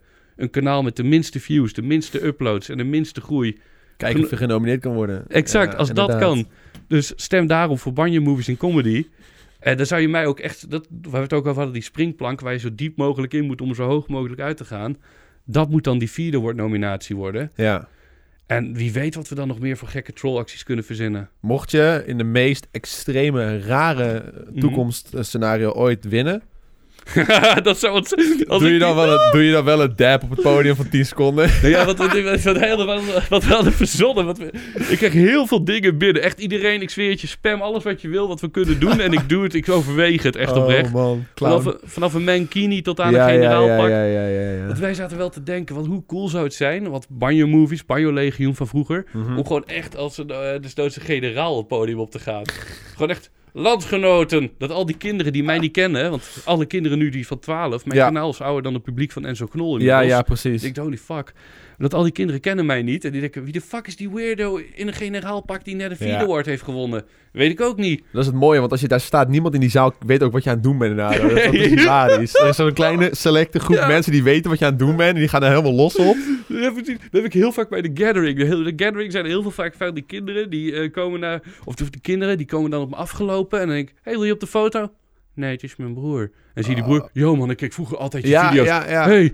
Dan denk ik, oh hey, bro, alles lekker? Ja, maar dat is tof. Maar dat begin ik nou ook een beetje, even het laatste, want ik moet hem echt afronden. Maar sorry. ik, eh, wat ik nu een beetje begin te merken, ik ben nu ook al een tijdje aanwezig op YouTube natuurlijk. Niet zo lang als jou, Mhm. al bij lange na niet, want ik begon in 2012. Maar ik had ook toen kijkers, right? En die Mhm. zijn nu weg. Dus ik zat laatst op het station en meestal is het in rond een uur of 12 op het station. En dan maak ik me niet echt zorgen dat ik nog fans tegenkom. Nee. En dan komt er eens een gozer op me af van 18 jaar, 19 jaar. En hey man, ik keek al je video's vroeger. Dan denk ik toch van, oh fuck, ik ben ook al lang op YouTube. Die keek toen naar mijn video's, ja. Ja, terwijl ja. ik helemaal niet zo oud ben, niet zo oud ben dan hem. Dat is best wel grappig eigenlijk hoe dat Oh, gaat. je wordt een opa, man. Ja man, opa Joost. Opa Joost. Ja, valt reuze mee allemaal. Oh. Maar eh, ja, we hebben het trouwens niet eens. Dat vind ik wel grappig. We hebben echt best wel lang gepraat. Ik denk dat het wel een van de lange podcasts gaat zijn Oh, serieus? Oeps. Ja, Sorry. maar, eh, nee, maar je praat, ik, vind, ik heb echt respect voor dat je met zoveel passie over praat. Over met wat je gedaan hebt en wat je wilt gaan doen. En hoe Ja. je over, over dingen denkt. Dus die kan je in je zak steken. Maar we Ja. hebben, ik had nog op mijn lijst staan van... We moeten nog over Banjo Town praten. hebben we gewoon niet gedaan. nee, We, zijn gewoon, we hebben gewoon heel, heel periode Banjo Town hebben we gewoon geskipt. Nee, ja, true. Ja, kan je nog in één zin gewoon even vertellen hoe was dat? Gewoon even, even kort en krachtig. eh, het was magisch. Ik ben heel blij dat ik dat heb gedaan. Ja. Het was een periode dat Banjo Moes natuurlijk nummer 1 was. En Bar- Minecraft werd heel erg populair.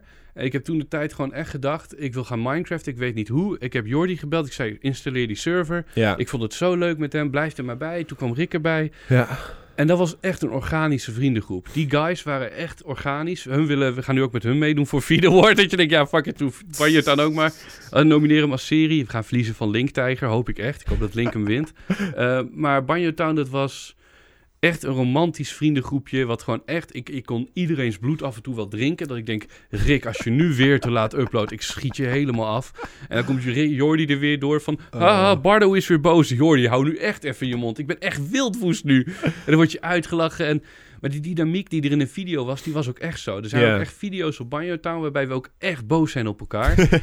en eh, dat je ook echt gewoon hoort dat je Jordi ook echt, je, je bent echt een grafkind. En dan denk je als kijker, haha, wat grappig. Nee, hij vond Hij hij ook meende het. hij ja, was ja, echt ja.